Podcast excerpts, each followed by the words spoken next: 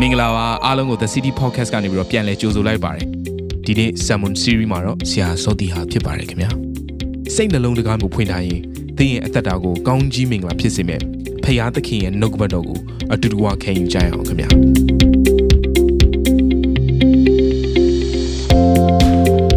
အားလုံးကိုခရစ်တော်ရဲ့နာမအဖြစ်နှုတ်ဆက်ပါတယ်ဒီနေ့အတွက်ကျွန်တော်တို့ဒုတိယအချိန်နှုတ်ကပတ်တော်ကျွန်တော်ခံယူဖို့ဖြစ်ပါတယ်ဒီနေ့နေခင်းမှာ ဝင်ကားမဲ့နှုတ်ကပတ်တော်ကတော့ကျွန်တော်တို့ကလေးငယ်တွေနဲ့ဖခင်တွေနဲ့နော်ဆိုတော့မိဘတွေနဲ့ကလေးငယ်တွေနဲ့ဒီလိုလည်းပြောလို့ရပါတယ်ဘယ်လိုယဉ်နှီးကျွမ်းဝင်မလဲဘယ်လိုပုံစံနဲ့အတူသွားမလဲဘယ်လိုပုံစံနဲ့သင်ကြားမလဲတပြိုင်နက်တည်းမှာသူတို့စီကကျွန်တော်တို့ဘယ်လိုသင်ယူမလဲဆိုတဲ့အရာကိုကျွန်တော်အချက်9ချက်နဲ့ပြောချင်ပါတယ်ဆိုတော့ဒီနေ့နှုတ်ကပတ်တော်ရဲ့ခေါင်းစဉ်ကသူရဲ့လက်၌ရှိသောမြားဖခင်လက်၌ရှိသောသားဆိုတော့ဒီຢာလေးနဲ့ပတ်သက်တဲ့ကျမ်းပိုက်ကိုအရင်ဆုံးဖတ်ချင်ပါတယ်စာလံ120ခွန်အငယ် 3ကနေ5ဖွားမြင်သောသားသမီးတို့သည်ထာဝရဘုရားဆုချ၍ပေးသနာတော်မူသောအမွေဥစ္စာဖြစ်ကြ၏အသက်ပြိုစဉ်ဖွားမြင်သောသားသမီးတို့သည်သူရဲ့လက်၌ရှိသောမြားကဲ့သို့ဖြစ်ကြ၏မိမိမြားတောင်ကိုသူတို့နှင့်ပြည့်စေသောသူသည်မင်္ဂလာရှိသူတို့သည်ရှက်ကြောက်ခြင်းမရှိရန်သူတို့ကိုတကားဝ၌စီးတားကြလိမ့်မည်ဆိုတော့ဒီကျမ်းပိုက်ကနေကျွန်တော်တို့အာတင်ယူရမယ့်အရာနှစ်ခုရှိတယ်โอเคအဲဒါတော့ခွဲခြမ်းစိတ်ဖြာရင်တော့အများကြီးပေါ့သို့တော်လည်းပဲပထမတစ်ချက်ကပါလဲဆိုတော့ သားသမီးတွေဆိုတာကကျွန်တော်တို့မပိုင်ဘူးဖခင်ဘက်ကပေးတာဟုတ်ပြီနော်အဲ့တော့ပေးတဲ့အရာကိုကျွန်တော်တို့ဝမ်းမြောက်စွာနဲ့ခံယူဖို့ဖြစ်တယ်ဒါပထမတစ်ချက်ဖြစ်တယ်ဘုရားသခင်ပေးတော့ထိုစုကိုရှင်လန်းစွာနဲ့ခံယူဖို့ဖြစ်တယ်အတိတ်ဘက်ကပါလဲဆိုတော့ blessing ကောင်းကြီးမင်္ဂလာဖြစ်တယ်နော် not burden တော့ blessing or burden ဆိုရင်တင်းရဲ့ကလေးတွေကိုတင်းဘယ်လိုတတ်မှတ်မလဲကျွန်တော်ကလေးစားမွေးလာတဲ့အချိန်ကျတော့ blessing လို့သတ်မှတ်တဲ့လူတွေအများကြီးရှိတယ်။တဖြည်းဖြည်းနဲ့ကြာလာပြီးတော့ပြောမရဆိုမရဖြစ်လာတော့ burden ဖြစ်လာတယ်။ဝန်တော့ဖြစ်လာတယ်။ နော်အရင်တော့ကျတော့ကလေးတွေကိုစကားမပြောခင်တော့အာအဖေမေခေါ်ဖို့တခါနဲ့အသက်ကုန်သင်းနော်ပြောပါအောင်သားရေးသမီးရေးတခါစကားပြောပါပြောပြောပါတခါလေးတင်ကြတယ်စကားတွေပြောလိုက်မလို့ကျွန်တော်ပြောကြတယ်။နောက်ပိုင်းကျတော့စကားပြောတာမကဘူးစကားများလာတဲ့ခါကျတော့နင်တို့ပတ်သက်တွေပိတ်ထားကြဆိုပြီးတော့နော်စပြီးတော့ဖြစ်လာတယ်ဆိုတော့တခါဒီမှာကျွန်တော်တို့ရဲ့သားသမီးတွေက blessing ကနေပြီးတော့ burden ဆိုတဲ့အရာကိုပြောင်းသွားတတ်တယ်အဲ့တော့သင်ရဲ့ကလေးတွေကိုသင်ဘယ်လိုမြင်လဲ blessing လို့မြင်လား burden လို့မြင်လားအဲ့တော့ဘုရားခင်ပေးတဲ့ ကောင်းကြီးမင်္ဂလာကိုကျွန်တော်တို့ကရှင်လန်းဝမ်းမြောက်ခြင်းနဲ့ခံယူတတ်ဖို့အရင်ရည်ကြည်တယ်ဘာကြောင့်လဲကောင်းကြီးမင်္ဂလာဖြစ်တယ်အဲ့ပထမတစ်ချက်ဒုတိယချက်ကဘာလဲဆိုတော့အဲ့ဒီပေးလာတဲ့ကောင်းကြီးမင်္ဂလာဖြစ်တဲ့သားသမီးတွေကကျွန်တော်တို့လက်ထဲမှာရှိတဲ့လက်နက်ဖြစ်သွားတယ်ဒါပေမဲ့ပြင်ဆင်မှပဲသူကအဲ့လက်နက်ကသုံးလို့ရတာအဲ့တော့မြားဆိုတဲ့သဘောတရားကနော်သူကတခါတည်းပြုတ်ပြင်ပြီးသားတခါတည်းရောက်လာတဲ့ပုံစံမဟုတ်မြားဆိုတာကအဲ့မြားဖြစ်ပွင့်တော့သူကလောက်ယူရတာဖြစ်တယ်နော်ဆိုတော့သူ့ကိုအာ ဟိုခြုံထွက်အောင်တွေးရတဲ့အချိန်တွေရှိတယ်။ငါသူ့ရဲ့ကိုယ်ထဲဖြစ်တဲ့တခါတစ်သားလုံးပေါ့နော်ဒီຢာကိုလည်းချောမောအောင်လုပ်ရတဲ့အချိန်တွေဖြစ်တယ်။နောက်တစ်ခုကနောက်ဘက်မှာလည်းတခါသူပြစ်လိုက်ရင်မှန်ကန်အောင်သူ့ကိုထိမ့်ပေးမဲ့ပဲ့ထိမ့်ပုံစံမျိုးအနောက်ဘက်မှာလုပ်ရတာရှိတယ်။ဆိုတော့ဒီမြားတွေကလည်းသူကကြိုးပြင်ထားပြီးတော့မှရန်သူနဲ့တွေ့တဲ့အချိန်မှာအစင်သင့်တုံးပြူယုံပဲဖြစ်တယ်သူတို့ကိုအဲ့တော့ရန်သူနဲ့တွေ့တဲ့အချိန်ကျမှမြားသွားရှာနေလို့မရဘူးအဲ့တော့ဒုတိယတစ်ချက်ကဘာလဲဆိုရင်ဘုရားခင်ပေးတဲ့အဲ့ဒီကောင်းကြီးမင်္ဂလာကျွန်တော်တို့ဘယ်လိုလေ့ကျင့်ပြင်ဆင်မလဲအာ ဒီချမ်းပိုက်တွေကနေအဓိကအချက်နှစ်ချက်ကိုကျွန်တော်တို့တွေ့ရတယ်ပထမတစ်ခုကဘုရားကောင်းကြီးမင်္ဂလာဘယ်လိုလက်ခံမလဲဒုတိယတစ်ခုကဘယ်လိုလေ့ကျင့်ပြင်ဆင်မလဲဆိုတော့ဒီနေ့မှာကျွန်တော်တို့ရဲ့သားသမီးတွေကိုကျွန်တော်မိဘတွေအနေနဲ့အထူးသဖြင့်ဖခင်တယောက်အနေနဲ့ဘယ်လိုပုံစံနဲ့သူတို့နဲ့စကားပြောမလဲသူတို့ကိုလေ့ကျင့်မလဲနေ့ရက်တိုင်းမှာဘယ်လိုဆွဲခေါ်သွားမလဲဒါအရေးကြီးပါတယ်။ဘာကြောင့်လဲဆိုတော့ကျွန်တော်တို့တရားဟောရကျမ်းထဲမှာတွေ့ရတဲ့နော်ဘုရားသခင်ကဒုတိယအကျိန်ဣသရေလလူမျိုးတွေကိုမှာကြားတဲ့မှာကြားချက်တွေဒီထဲမှာအမြဲတမ်းပါပါလဲဆိုတော့ မင်းရဲ့သားသမီးကိုစူးစမ်းပြီးတွန်းတယ်မှာထိုင်တဲ့ချိန်မှာတွန်းတယ်မှာထားတဲ့ချိန်မှာတွန်းတယ်မှာခီးသွားတဲ့ခါတွန်းတယ်မှာအမျိုးစုံအိမ်မှာရှိတဲ့ခါတွန်းတယ်မှာနော်ဆိုတော့ဒီနှုတ်ကပတ်တော်တွေကိုတွန်းတယ်မှာဒါဒါမှပဲသူတို့ဟာနော်တရားလမ်းထဲမှာသူတို့မလွဲမသွေရှောက်သွားမယ်တရားလမ်းထဲကမထွက်တော့ဘူးကမင်းတို့ရဲ့သားသမီးတွေဟာတဲ့နော်ဒီလိုမျိုးအမှုကိစ္စတွေဘာကြောင့်ဖြစ်လဲတို့မင်းတို့သားသမီးကမေးလာရင်မင်းတို့ကနော်ပြန်ပြောရမယ့်အရာတွေဆိုပြီးတော့ဒါဘုရားသခင်ကသူ့ရဲ့တက်ဆွမ်းနိုင်ခြင်းသူ့ရဲ့ချစ်ချင်းမြတ်တာသူ့ရဲ့ရွေးနှုတ်ကယ်တင်ခြင်းကို ဒီဖခင်ကနေသားသမီးကိုပြန်ပြောတဲ့အရာကိုသူကလှုပ်စေခြင်းတယ်ဆိုတော့ရှင်းရှင်းလင်းတွေ့ရတဲ့အရာကတော့သူကယောက်ျားတွေကိုခိုင်းတဲ့လုပ်ငန်းတောင်းဝင်ဖြစ်တယ်အတိတ်ဘက်ကပါလဲဘုရားသခင်ရဲ့လမ်းထဲကိုရှောက်သွားမဲ့နော်ဒီ instruction တွေအားလုံးဟာပထမအဦးဆုံးဘယ်သူစီကလာရမလဲဆိုရင်အဖေတွေစီကလာမှာဖြစ်တယ်။ဒါကြောင့်ဒီနေ့ဖခင်များနေမှာဖခင်ဆိုတဲ့အရာအရာကောင်းကြီးမင်္ဂလာတစ်ခုပဲကျွန်တော်အာပြောတာမဟုတ်ဖ ೇನೆ နော်ဖခင်တွေကိုဂုံပြုံတက်တက်မဟုတ်ဖ ೇನೆ ကျွန်တော်တို့ဖခင်တွေကဘလို့ပုံစံနဲ့ကောင်းမွန်သောဘုရားသခင်အလိုတော်နဲ့ညီတ ကယ်ဗိတ်သိမ့်နဲ့တကိုးနဲ့အခွင့်အာဏာနဲ့ပြေဝတဲ့ကောင်းမွန်တဲ့ဖခင်တွေဖြစ်ဘလို့တက်လှမ်းသွားနိုင်မလဲဆိုတော့ဒီနှုတ်ကပတ်တော်လေးကိုကျွန်တော်တို့အာလေ့လာကြတာဖြစ်ပါတယ်။ဒါကြောင့်ဒီနေ့ဒီနှုတ်ကပတ်တော်နားထောင်နေတဲ့အချိန်မှာကိုကိုယ့်ရဲ့သားသမီးဒီနဲ့ကိုကသွားလာလှုပ်ရှားတဲ့ခါမှာကိုဘာအမှားတွေလုပ်ခဲ့တယ်အဲ့ဒါတွေကိုဘယ်လိုပြန်ပြင်မလဲဆိုတဲ့အရာပေါ့နော်ကျွန်တော်ဒီနေ့အချက်9ချက်ကိုပြောမှာဖြစ်တယ်ဆိုတော့အရင်ဆုံးအာအချက်9ချက်ကိုမပြောခင်မှာဒီ foundation လေးတချို့လည်းကျွန်တော်သိဖို့လိုပါတယ်ဆိုတော့ဒီလေ့ကျင့်ပြုစုခြင်းဘာအတွက်လဲလို့ပြောရင်သူကတိုက်ပွဲအတွက်ဖြစ်တယ် ဒါဆိုကျွန်တော်တို့အားလုံးကဘယ်မှာရောက်နေလဲတိုက်ပွဲထဲမှာရောက်နေတယ်နော်ဒါကတော့ကျွန်တော်ဒဘက်တစ်ကိုဖတ်လိုက်တဲ့အခါမှာပို့ပြီးတော့ရှင်းတယ်နော်အေဖက်ထဲမှာအခန်းကြီး6မှာဆိုရင်လည်းကျွန်တော်တို့တိုက်ရတဲ့တိုက်ပွဲဟာဝိညာဉ်တိုက်ပွဲဖြစ်တယ်နော်ကျွန်တော်တို့ဒါနော်ဝိညာဉ်ပိုင်းဆိုင်ရာမှာကျွန်တော်တို့တိုက်ပွဲတွေကိုတိုက်နေရတာဖြစ်တယ်ဆိုတဲ့အရာကိုသူကအဓိကထားပြီးတော့ကျွန်တော်တို့ကိုပြောတာကိုအဲ့တော့ကျွန်တော်တို့ကဘယ်ထဲမှာရောက်နေလဲသင်တိုက်သည်ဖြစ်စေမတိုက်သည်ဖြစ်စေတိုက်ပွဲထဲမှာရောက်နေတယ်ဝမ်းမြောက်စရာတစ်ခုကဘာလဲဆိုတော့ဒီတိုက်ပွဲကအောင်မြင်ပြီးသားဖြစ်တယ်ဘယ်သူအောင်မြင်တာလဲ ယေရှုခရစ်တော်အဲကြောင့်ဒီတိုက်ပွဲထဲမှာအောင်မြင်ဖို့ရန်နော်ကျွန်တော်တို့ရဲ့အသက်တာမှာအောင်မြင်ခြင်းကိုရယူတတ်ဖို့အရန်ရည်ကြီးတယ်ဘယ်သူစီကတဆင်လဲဆိုရင်ယေရှုခရစ်တော်ဟာဆင်ဖြစ်တယ်ကျွန်တော်တို့လက်ထက်မှာဘုရားရှင်ပေးထားသောမြားတော်များကိုကျွန်တော်တို့ကနော်သေချာပြုပြင်တတ်ဖို့လိုတယ်နောက်တစ်ခုကဘာလဲဆိုတော့သူကဘုရားကပေးပြီဆိုရင်ရည်ရွယ်ချက်ရှိတယ်ဘုရားမှာအကြံစီရှိတယ်အဲ့တော့ကျွန်တော်တို့ရဲ့အသက်တာတွေမှာအကြံစီရှိဆိုကျွန်တော်တို့သားသမီးတွေရဲ့အသက်တာတွေမှာဘုရားရှင်အရန်ကောင်းတဲ့အကြံစီရှိတာသိကြတယ်ဆိုတော့အဲ့ဒီအကြံစီကိုကျွန်တော်နားလည်ဖို့လိုတယ်ဆိုတော့ဒီအကြံစီကိုနားလည်မှပဲ ဒီသားသမီးကို့ဖျားပေးထားတဲ့သားသမီးဟာဘာအတွက်လဲဒီလောကမှာသူအသက်ရှင်နေတယ်ဆိုတဲ့အရာကိုကျွန်တော်မိဘတွေကတစ်ဆင့်သူတို့ကပြန်ပြီးတော့သင်ယူစရာအကြောင်းရှိတယ်ဆိုတော့ကိုကကိုမှကလေးမွေးလာတယ်ဒီတိုင်းပဲလွတ်ထားလိုက်တယ်ဆိုရင်အာသူတို့ဟာသူတို့ရဲ့ပတ်ဝန်းကျင်သူတို့ရဲ့ပညာရေးသူတို့ခံယူချက်သူတို့မြင်တဲ့ကြားတဲ့အရာတွေကနေသူတို့ရဲ့ဘဝကိုငါဘယ်လိုရှောက်မယ်ဆိုပြီးဆုံးဖြတ်သွားနိုင်တယ်အကယ်ကျွန်တော်တို့ကသာဖျားရှင်နှုတ်ကပတ်တော်နဲ့အညီတွင်တင်လာပြီဆိုရင်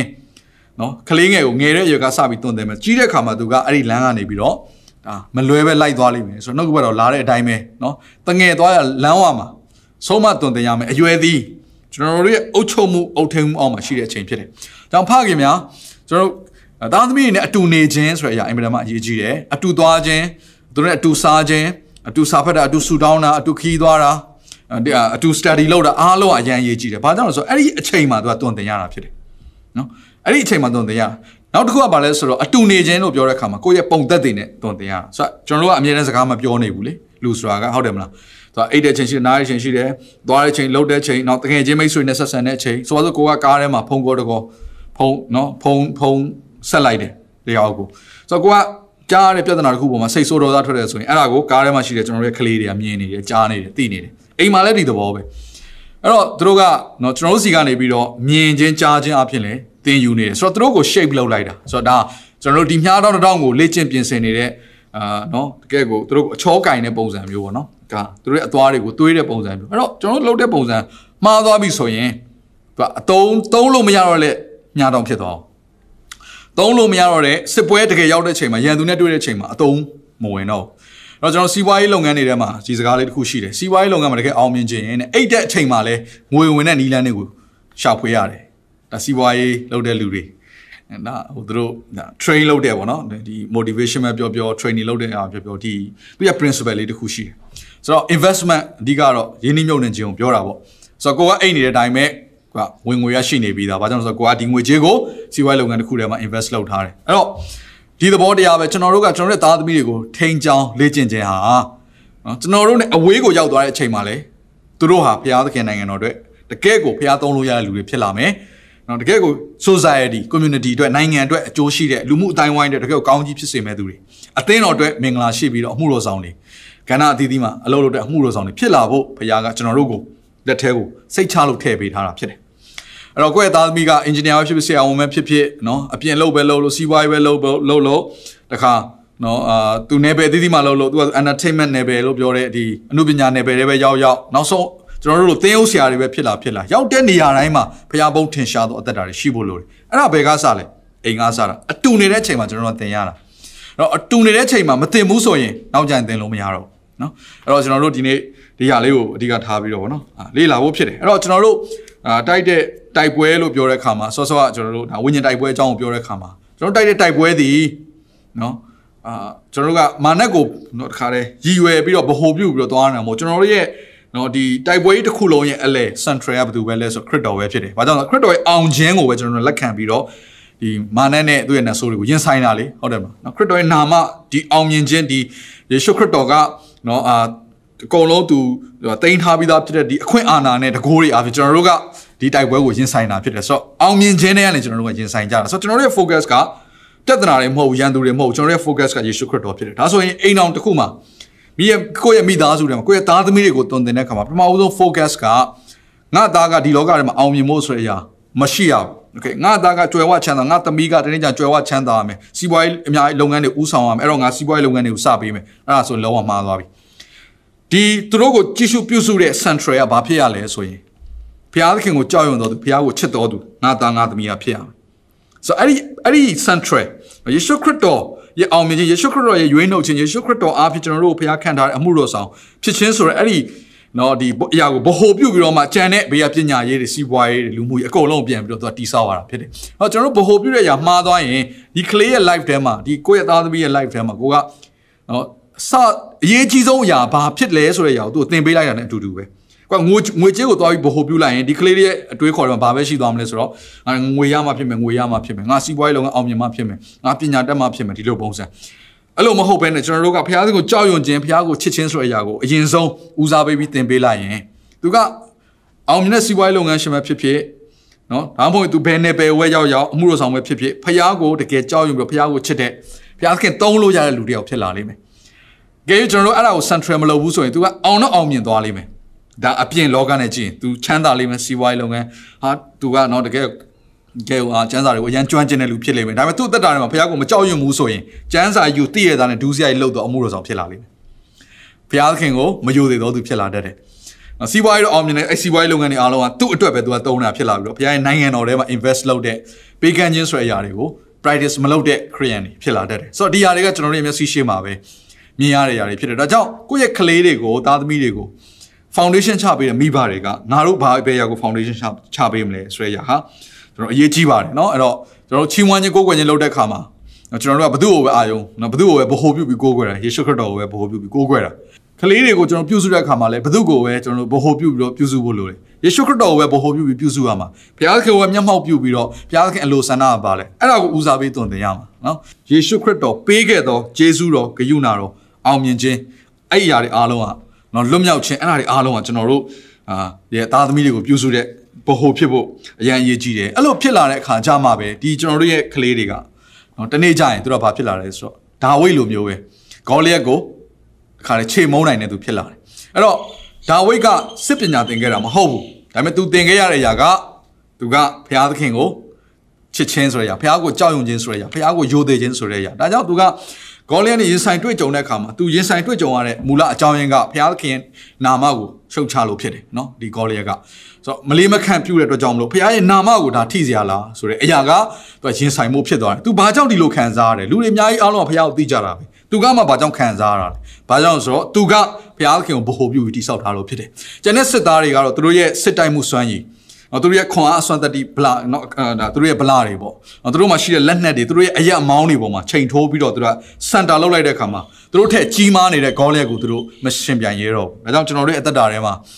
ဘယ်ရာက central လောက်ရမယ့်ရာလဲနော်တိတ်ပြီးတော့အရေးကြီးတယ်ကျွန်တော်တို့ race လုပ်နေတယ်ကျွန်တော်တို့နော်အာကြီးစုပြုစုနေတဲ့ကလေးတွေဟာနော်တနေ့ကျရင်ကျွန်တော်တို့အတွက်နော်ကျွန်တော်တို့ရဲ့အသက်တာထဲမှာရှိတဲ့ giant လို့ပြောလို့ရတဲ့ Goliath လို့လူထွားကြီးတွေ နော်ဒီလိုပြဿနာအကြီးကြီးတွေကိုကျွန်တော်တို့မဖြေရှင်းနိုင်ပေမဲ့သူတို့ကဖြေရှင်းသွားလိမ့်မယ်။သူကဘုရားသခင်ကသူ့ရဲ့သဘောတွေက generation တိုင်း generation တိုင်းမှာ giant killer လို့ပြောတဲ့ဒါနော်ပြဿနာအကြီးကြီးတွေကိုဖြေရှင်းပေးမဲ့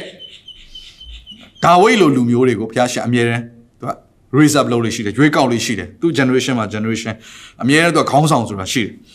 အဲ့တော့ကျွန်တော်တို့အခုမြန်မာပြည်ပဲပြောပြောကျွန်တော်တို့ရဲ့ခရီးအတိုင်းဝိုင်းမှာနော်အခုကျွန်တော်နေထိုင်တဲ့မြန်မာပြည်မှာအမို့တင်းနေထိုင်တဲ့နိုင်တိုင်းနိုင်ငံမှာရှိတဲ့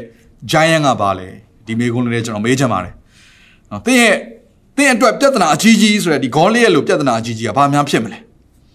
တော့တင်းဟာဒါဝိတ်လိုလူမျိုးအနေနဲ့သူရင်ဆိုင်မလားတော့နော်တပြိုင်နက်တည်းမှာပဲနော်နောက်ထပ်လာမယ့် generation တွေမှာပေါ်လာမယ့်နော်ဒီလိုမျိုးသူတို့အတိုင်းတာနဲ့သူနော်စိန်ခေါ်မှုရှိလာမယ့်ဒီလိုပြဿနာကြီးတွေကိုဖြည့်ရှင်းမဲ့ giant killer တွေတကယ်ဒါဝိတ်လိုလူမျိုးတွေကိုအသင်းအိမ်ကနေပေါ်ထွက်စေမလားဒါကျွန်တော်တို့ဒီနေ့စပြီးတော့ပြင်ဆင်လို့ရတဲ့အရာတစ်ခုဖြစ်တယ် လုပ်လို့ရတဲ့အရာတစ်ခုဖြစ်တယ်ဆိုတော့ကျွန်တော်အတူရမယ့်သူတယောက်ကနော်ယောရှုနဲ့ကာလက်ဖြစ်တယ်ဆိုအားလုံးသိပါတယ်ယောရှုနဲ့ကာလက်ကလုံးဝဒီဒီလူထွားကြီးတွေကိုမကြောက်ဘူးဒါပေမဲ့ကျန်တဲ့လူ10ယောက်ကတချို့တချို့10ယောက်ကကြတော့သူကဒီလူထွားကြီးကိုမြင်တဲ့အခါမှာသူတို့ကိုသူတို့နော် grasshopper ဒါကျိုင်းကောင်အနေနဲ့သူတို့ကမြင်ကြတယ်အဲ့တော့တင်းမှာရှိတဲ့အတွေးခေါ်ဒီကျိုင်းကောင်အတွေးခေါ်လားဒါမှမဟုတ်ဒါဝိတ်ကဲ့သို့သောအတွေးခေါ်လားအဲ့တော့ giant killer လို့ပြောတဲ့ပြဿနာအကြီးကြီးတွေလူထွားကြီးတွေကိုတတ်တဲ့အတွေးခေါ် giant killer mindset ရှိသလားဒါမှမဟုတ်ရင် နော် giant ကောင်လို့ပြောတဲ့ grasshopper mindset ရှိသလားတင့်မှာရှိတဲ့ mindset တင့်မှာရှိတဲ့အတွေးခေါ်ယုံကြည်ခြင်းတင့်ရဲ့ကလေးတွေကိုစီစဉ်သွားမှာပဲဒါကြောင့်တင့်ကိုကျွန်တော်ဒီဟာလေးကို OTV ပြောနေတာဖြစ်တယ်အထူးသဖြင့်ဖခင်တွေကိုနော်ဖခင်တွေချိုးတွေချိုးသောဖခင်တွေအခုမှဖခင်ဖြစ်လာမယ်ချိုးကကြတော့ pre နော်ဒါကြိုတင်ပြင်ဆင်နေပြီမင်္ဂလာဆောင်တော့မယ်အဲနောက်ကလေးတွေမွေးမွေးတော့မယ်ဒါ pre ဖြစ်နေပြီပေါ့နော်အဲချိုးကကြတော့လေဒါအရွယ်ရောက်ပြီးသွားတဲ့ကလေးရှိလိမ့်မယ်နော်ဒါပေမဲ့သင်ဘာလို့လို့ရသေးတယ်ဆိုရင်သူတို့အတွက်ယုံကြည်ခြင်းနဲ့ ကြားခံပြီးတော့ဆုတောင်းခြင်းအပြင်ဘုရားဘက်ကိုပြန်လှည့်လာလို့ရအောင်ဒီတန်ရှင်သောဝိညာဉ်တော်ရဲ့အမဆခြင်းကိုတောင်းခံလို့ရတယ်ဘုရားသခင်သည်တင်းရဲ့ယုံကြည်ခြင်းနော်တင်းရဲ့ပူဆွေးခြင်းတင်းရဲ့နှလုံးသားကအော်ဟစ်တဲ့တန်ကိုအမြဲတမ်းဂယူဆိုင်တဲ့ဘုရားဖြစ်တယ်နားထောင်တဲ့ဘုရားဖြစ်တယ်မကျင်နာနိုင်တော့အောင်နော်ဘုရားရှင်နှလုံးသားကမသေးပါဘူးနော်အဲ့တော့ဘုရားသခင်ခွင့်မလွတ်နိုင်တဲ့အဖြစ်လည်းမရှိတဲ့ကြောင့်မလို့တင်းရဲ့သားသမီးတွေအတွက်ဘယ်တော့မှလက်မလျှော့စေချင်ပါဘူးအဲ့တော့ပထမဦးဆုံးဒါဝိတ်တွေ့ကြုံရတဲ့ဒီပြဿနာကဣသရေလလူမျိုးတွေ နှစ်ပေါင်းများစွာနော်ရင်ဆိုင်ခဲ့ရတဲ့ပြဿနာဖြစ်တယ်အဲ့ဒါပါဆိုလူထွားတွေကိုနော်လူထွားကြီးတွေကိုကြောက်ရွံ့တဲ့နော်စိတ်စိတ်ဝိညာဉ်ပေါ့ the spirit of fear of the giant လို့ပြောရမှာပေါ့နော်ဖခင်သခင်ကိုကြောက်တဲ့စိတ်ဝိညာဉ်တော့မဟုတ်ဘူးလူထွားကြီးတွေဆိုသူကကြောက်နေပြီအစကတည်းကသူကဂရိတော်ထားခန္ဓာပြိုမဝင်ရတဲ့အကြောင်းရင်းကိုကငါတို့သွားတိုင်ငါတို့သိမှာပဲเนาะသူတို့သူတို့ကအရန်ကြီးတယ်ငါတို့ကကြိုင်းကောင်ကဲသို့ဖြစ်တယ်နှံကောင်ကဲသို့ဖြစ်တယ်ဆိုတော့ဒီနှံကောင်အတွေးခေါ်မျိုးသူတို့ကရှိနေတဲ့ခါကျတော့အဲ့ကြောက်ရွံ့ခြင်းကသူတို့ကို ဒါလွဲချော်စေတယ်နောက်ပိုင်းကျတော့ယောရှုနဲ့ကာလဲဥဆောင်တဲ့သူတွေကခါလဲဒီခါနန်ပြည်ကိုဝင်လာတဲ့ခါမှာကာလဲရဲ့အတွေးခေါ်ကအရန်ကောင်းတယ်နော်ယောရှုနဲ့ကာလဲကာလဲကဘာပြောလဲဆိုဒီတောင်ငါ့ကိုပေးပါဆိုသူဟေးပြုံတောင်တောင်းတယ်ဟေးပြုံတောင်ကဘယ်သူနေတာလဲဆိုတော့အာနကအာနကလို့ပြောရင်ဒါလူထွားကြီးကိုပြောတာစောစောကပြောတဲ့ကျွန်တော် giant နော်ဒါဂေါလိရဲ့လူလူမျိုးတွေနေတဲ့မြို့ကိုတောင်ကိုဟေးပြုံတောင်လို့ခေါ်ပါတယ်အဲ့တော့အဲ့ဒီဟေးပြုံမြို့ကိုနော်ဟေးပြုံတောင်ကိုပေါ့ ကာလက်ကငါ့ကိုပေးပါလို့ပြောတဲ့အချိန်မှာ तू အသက်80ကျော်နေပြီသူကအသက်သာကြီးသွားတယ်သူရဲ့အတွေးခေါ်ကတခါတည်းနော် strong ဖြစ်နေတော့မယ်သူရဲ့ယုံကြည်ခြင်းကနှုတ်ပြလက်ဆက်နေတော့မယ်လွန်ခဲ့တဲ့နှစ်40ကခါသူမြင်ခဲ့တဲ့ပုံစံမျိုးပဲအာဒါငါတို့ဖျားပေးရဆိုဒီလူထွားကြီးတို့တတ်နိုင်တယ်လို့သူဝန်ခံခဲ့သလိုပဲအခုနှစ်40ကြာတဲ့အခါမှာသူမှအိုက်စိတ်တက်ရှိတော့မယ်အဲ့တော့သူကအဲ့လိုမျိုးအတွေးခေါ်ရှိတဲ့အတွက်ကြောင့်မလို့သူကဘာရလဲဆိုအဲ့ဟေးပြုံတောင်အပိုင်ရတယ်ကာလက်ကသူ့ရဲ့အမွေဖြစ်သွားတယ်အဲ့တော့ဣသရေလလူမျိုးတွေကြောက်ရွံ့တဲ့လူထွားကြီးတွေရှိတဲ့အဲ့မြို့ကြီးဟာ အခုတော့သူ့ရဲ့အမွေဖြစ်သွားတယ်အဲ့တော့ဒီနေ့ကျွန်တော်တို့ရဲ့အသက်တာထဲမှာကျွန်တော်တို့ကြောက်ရွံ့ခဲ့တယ်ကျွန်တော်တို့မကြော်ဖြတ်နိုင်တဲ့ပြဿနာတွေဟိုကျွန်တော်တို့သားသမီးတွေကအောင်မြင်ပြီးတော့သူတို့ရဲ့အသက်တာမှာသူတို့ရဲ့အမွေရသွားရင်ဘယ်လောက်ထိကောင်းမလဲအဲ့ဒီယုံကြည်ခြင်းကိုဘယ်ကစတယ်အိမ်ကစတာဖြစ်တယ်ဟုတ်ပြီနော်အဲ့တော့တင်းရဲ့အိမ်မှာနော်တင်းရဲ့အိမ်မှာရှိတဲ့အာတတ်မှတ်ထားတဲ့ပေါ့နော်ဒီ house value လို့ခေါ်တာပေါ့ကျွန်တော်တို့ကျွန်တော်တို့စကားကျွန်တော်စကားနဲ့ပြော house value အာငါတို့မိသားစုရဲ့ family value လို့ခေါ်နေမှာမဟုတ် ငါတို့မိသားစုရဲ့တန်ဖိုးကဘာလဲငါတို့ရဲ့ယုံကြည်ချက်ကဘာလဲဆိုတာ ਨੇ အတူတူပါပဲအဲ့တော့အာကျွန်တော်ဒီစာအုပ်တော့ထဲရပါတော့ဆရာကြီးပါဘေဂျွန်ဆင်ရဲ့ဒီစာအုပ်တော့ထဲမှာသူ့ရသူ့ရဲ့အိမ်မှာနော်ဒီသူ့ရဲ့ value system ရှိတယ်အဲ့ဒါလေးကောင်းတဲ့အတွက်ကြောင့်မို့ကျွန်တော်ဒါလေးကို copy ကူးထားတယ်ပေါ့နော်ဆိုတော့သူ့ရဲ့အိမ်မှာသူက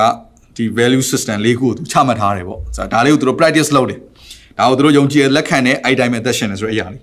ပထမတစ်ခုကဘာလဲဆိုရင် God is good နော်ဘုရားသခင်ကကောင်းမြတ်တဲ့ဘုရားဖြစ်တယ်ဆိုတော့အဲ့ဒါဟာသူတို့မိသားစုရဲ့ဒါ value system နဲ့တစ်ခုဖြစ်တယ်ဆိုတော့ဘုရားကောင်းမြတ်တဲ့ကြောင့်လို့ငါတို့တွေဟာလည်းကောင်းမြတ်ငါတို့တက်တာမှာဖြစ်လာသမျှအားလုံးဟာဘုရားကနော်ငါတို့ကောင်းမှုအလို့ငါသာစီစဉ်တာဖြစ်တယ်ငါတို့ကိုနော်ဟိုဒုက္ခပေးတာမဟုတ်ဘူးငါတို့ကောင်းဖို့ရန်အလို့ငါသာဘုရားကစီစဉ်တယ်ဆိုတဲ့အရာသူရဲ့ foundation ပါတယ် God is good ဘုရားသခင်ကကောင်းမြတ်တယ်ဆိုတော့တင်းရဲ့မိသားစုထဲမှာကောနော်ကလေးတွေက ဖះကိုဘလို့ယုံကြည်လဲဘလို့မြင်လဲတင်းကရောဖះကိုဘလို့မြင်လဲ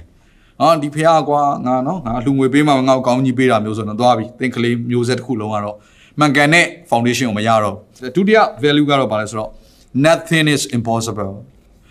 မဖြစ်နိုင်ဘူးဆိုတာဘာမှမရှိဘူး။ဘာကြောင့်လဲဖះသခင်အရာခတ်တဲ့ကိုတဆွမ်းနိုင်တဲ့ဖះဖြစ်တယ်။ဆိုတော့တင်းရဲ့ကလေးတွေအတွေးခေါ်တယ်မှာအဲ့ဒါရှိလား။ဆိုတော့တင်းရဲ့အတွေးခေါ်တယ်မှာအဲ့ဒါရှိလား။ဆိုတော့ကြောက်ရွံ့ခြင်းနဲ့ပြဿနာတွေကို approach လုပ်လာဒါမှမဟုတ်ရင် nothing is impossible နော် ဘာမဆိုငါတို့တက်ဆွမ်းနိုင်နေဆိုတဲ့အတွေးခေါ်မျိုးနဲ့ပြဿနာတွေကိုချင်းကပ်လာဒါသိအရေးကြီးပါတယ်နံပါတ်3ချက်ကတော့ everything was settled at the cross ငါတို့ပေးရမယ့်အရာအားလုံးငါတို့ဆုံးရှုံးမှုတွေအရာအားလုံးငါတို့ရဲ့ပြဿနာတွေအားလုံးအတွက်ယေရှုခရစ်တော်ဒီလက်ဝါးကားတိုင်းမှာအကုန်လုံးပေးပြီးသွားပြီဆိုတော့လက်ဝါးကားတိုင်းတော်အဖြစ်ရရှိတဲ့အရာဒီကောင်းကြီးမင်္ဂလာဖြစ်တယ်ကျမ်းမာခြင်းဖြစ်တယ်လွတ်မြောက်ခြင်းဖြစ်တယ်ငြိမ်သက်ခြင်းဖြစ်တယ်ဟာအဲ့ဒီအရာကိုမိသားစုအိမ်တော်မှာအခြေချထားတဲ့အခါမှာ အဲ့တော့တခုခုပြဿနာကြုံတဲ့အခါမှာတခုခုဒါရင်ဆိုင်ရတဲ့အခါမျိုးမှာဟေးဒီပြဿနာအတွက်ယေရှုခရစ်တော်လက်ဝါးကားတဲ့ပုံမှာလုံခဲ့တဲ့နှစ်တောင်နဲ့အကုန်လုံးပေးပြီးသွားပြီငါတို့ဒီအခုကြုံရတဲ့အရာအဖြစ်ရပြန်ရမယ့်အရာပါလဲဆိုတော့ကောင်းကြီးမင်္ဂလာဖြစ်တယ်ဆိုတော့မြင်လူတွေကိုမြင်တဲ့ပုံစံပြဿနာတွေကိုရှုမြင်တဲ့ပုံစံအကုန်လုံးပြောင်းထွက်သွားတယ်โอเคဆိုတော့နံပါတ်၄ချက်ကတော့ဗာလဲဆို I am important ငါဟာအရေးကြီးတဲ့လူတစ်ယောက်ဖြစ်တယ်ဆိုတော့ဘုရားသခင်အမြင်သလိုမြင်လိုက်တာပေါ့နော်ငါတို့မိသားစုအရေးကြီးတဲ့မိသားစုဖြစ်တယ် ငါရဲ့အသက်တာအင်မတန်မှအရေးပါတဲ့အသက်တာဖြစ်တယ်ငါရဲ့သားသမီးတွေကအင်မတန်မှအရေးကြီးတယ်ဆိုတော့ဒီမိသားစုတစ်ခုလုံးရဲ့အသက်တာတွေမှာတယောက်ချင်းစီတိုင်းတန်ဖိုးရှိနေတယ်เนาะဒီသူကတော့အာတိတ်ပြီးတော့အလားလာမရှိဘူး तू ကတော့အလားလာရှိတယ်ကိုယ်ကလေးတွေမှာမသုံးလေးယောက်ရှိတယ်ဆိုရင်အော် तू ကတော့အဲ့လိုမဟုတ်တော့ဘူးအားလုံးဟာအရေးကြီးတဲ့လူတွေဖြစ်တယ်တယောက်ချင်းစီတိုင်းအရေးကြီးတယ်ဘယ်အတွက်အရေးကြီးတယ်မိသားစုရဲ့အရေးကြီးတယ်နိုင်ငံအတွက်အရေးကြီးတယ်ဘုရားရှင်နိုင်ငံတော်တည်ထောင်ခြင်းဘုရားအမှုတော်မြတ်ထဲမှာအင်မတန်အရေးကြီးသောသူတွေဖြစ်တယ်ဆိုတော့ဆိုတော့အဲ့ဒီ foundation ပေါ့နော်ဒီຢာတွေအဲ့ဒီ culture ကြီးတခုကိုတိဆောက်ထားလိုက်တဲ့အခါမှာ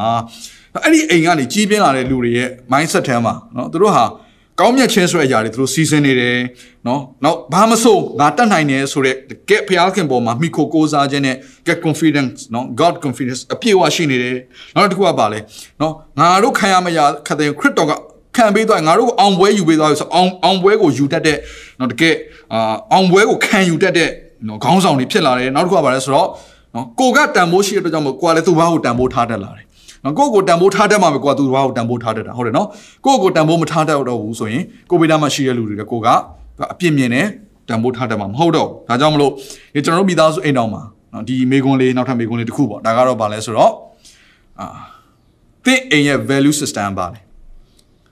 ရှေ့က foundation နဲ့ပတ်သက်တဲ့ intro တွေနည်းနည်းပြောတဲ့အခါမှာ အဲနည်းနည်းလေးများသွားပြီဆိုတော့ကဲအခုအချက်ခုနှစ်ချက်ကိုတခါတည်းသွားရအောင်မိသားစုအိမ်တော်မှာကလေးတွေကိုဘယ်လိုပုံစံနဲ့ပြုစုမလဲပထမအရေးကြီးဆုံးချက်နံပါတ်1ချက်ကဘာလဲဆိုတော့ဖခင်တွေဟာကိုယ့်ရဲ့ဇနီးတဲ့ကိုချစ်တော်သူဖြစ်ဖို့အရန်ကြီးကြည့်တယ်။ဘာကြောင့်လဲဆိုတော့အဲ့ဒီထဲကနေကလေးတွေကတင်ကြတာဖြစ်တယ်။ကိုယ်ဇနီးတဲ့ကိုပြောတဲ့စကားကိုယ်ဇနီးတဲ့ကိုပေးတဲ့လက်ဆောင်ကိုယ်ဇနီးတဲ့နဲ့အတူတိုင်ပင်ဆွေးနွေးတဲ့အရာတွေနော်ဟိုတခါဖက်လိုက်သူတို့ရှိမှဖက်လိုက်တာတွေကအစနော်တစ်ချက်တော့ဒါဘားလေးကိုနမ်းလိုက်တာကအစ ချစ်ပြတဲ့ပုံစံတွေအားလုံးဟာကလေးတွေရဲ့စိတ်ဝိညာဉ်ကိုလွတ်လပ်စေတယ်သူတို့တွေလုံခြုံစိတ်ချမှုကိုရတယ်သူတို့တွေမျှော်လင့်ချက်တွေဖြစ်စေတယ်သူတို့ရှင်လန်းကြတယ်အိမ်မှာညှိတဲ့ချင်းဆိုတဲ့ atmosphere အများကြီးဖြစ်တယ်ဆိုတော့ကလေးတွေကအဲ့ဒီသူက healthy atmosphere လို့ပြောတယ်တကယ်ကိုပြောစိတ်ပိုင်းဆိုင်ရာဝိညာဉ်ပိုင်းဆိုင်ရာခန္ဓာပိုင်းဆိုင်ရာကျန်းမာရေးအတွက်အဆင်ပြေတဲ့အဲ့ဒီပတ်ဝန်းကျင်ကြီးမှာသူတို့ကြီးပြင်းဖို့အရင်အရေးကြီးတယ် ကျွန်တော်ဒီလိုပြောတဲ့အခါမှာအဲ့ကနေနော်မကြီးပြင်းဘူးဆိုရင်ကလေးတွေကစိုးသွားတယ်လို့ကျွန်တော်ပြောတာမဟုတ်အများစုကဆိုတယ်ဒါပေမဲ့အဲ့လိုပတ်ဝန်းကျင်မှာကြီးပြင်းရတဲ့နဲ့ဖျားကိုရွေးခဲ့တဲ့လူတွေအများကြီးရှိတယ်။နောက်ကျွန်တော်တို့ကျွန်တော်ဒီနေ့ဒီနှုတ်ကပတ်တော်ဝင်ခါတဲ့အခါမှာနော်ကျွန်တော်ဒီပတ်ဝန်းကျင်ကိုကျွန်တော်တို့မကြုံခဲ့ရဘူးဆိုရင်လေအခုနားထောင်နေတဲ့လူကမကြုံခဲ့ရဘူးဆိုရင်လေတင့်လက်ထက်မှာဒီပတ်ဝန်းကျင်ကိုဖန်တီးလို့ရတယ်အဲ့တော့တင့်ရဲ့ကလေးတွေကိုဘယ်လိုပတ်ဝန်းကျင်နဲ့တင်ကြီးထွားစေခြင်းလဲတိတ်အရေးကြီးပါတယ်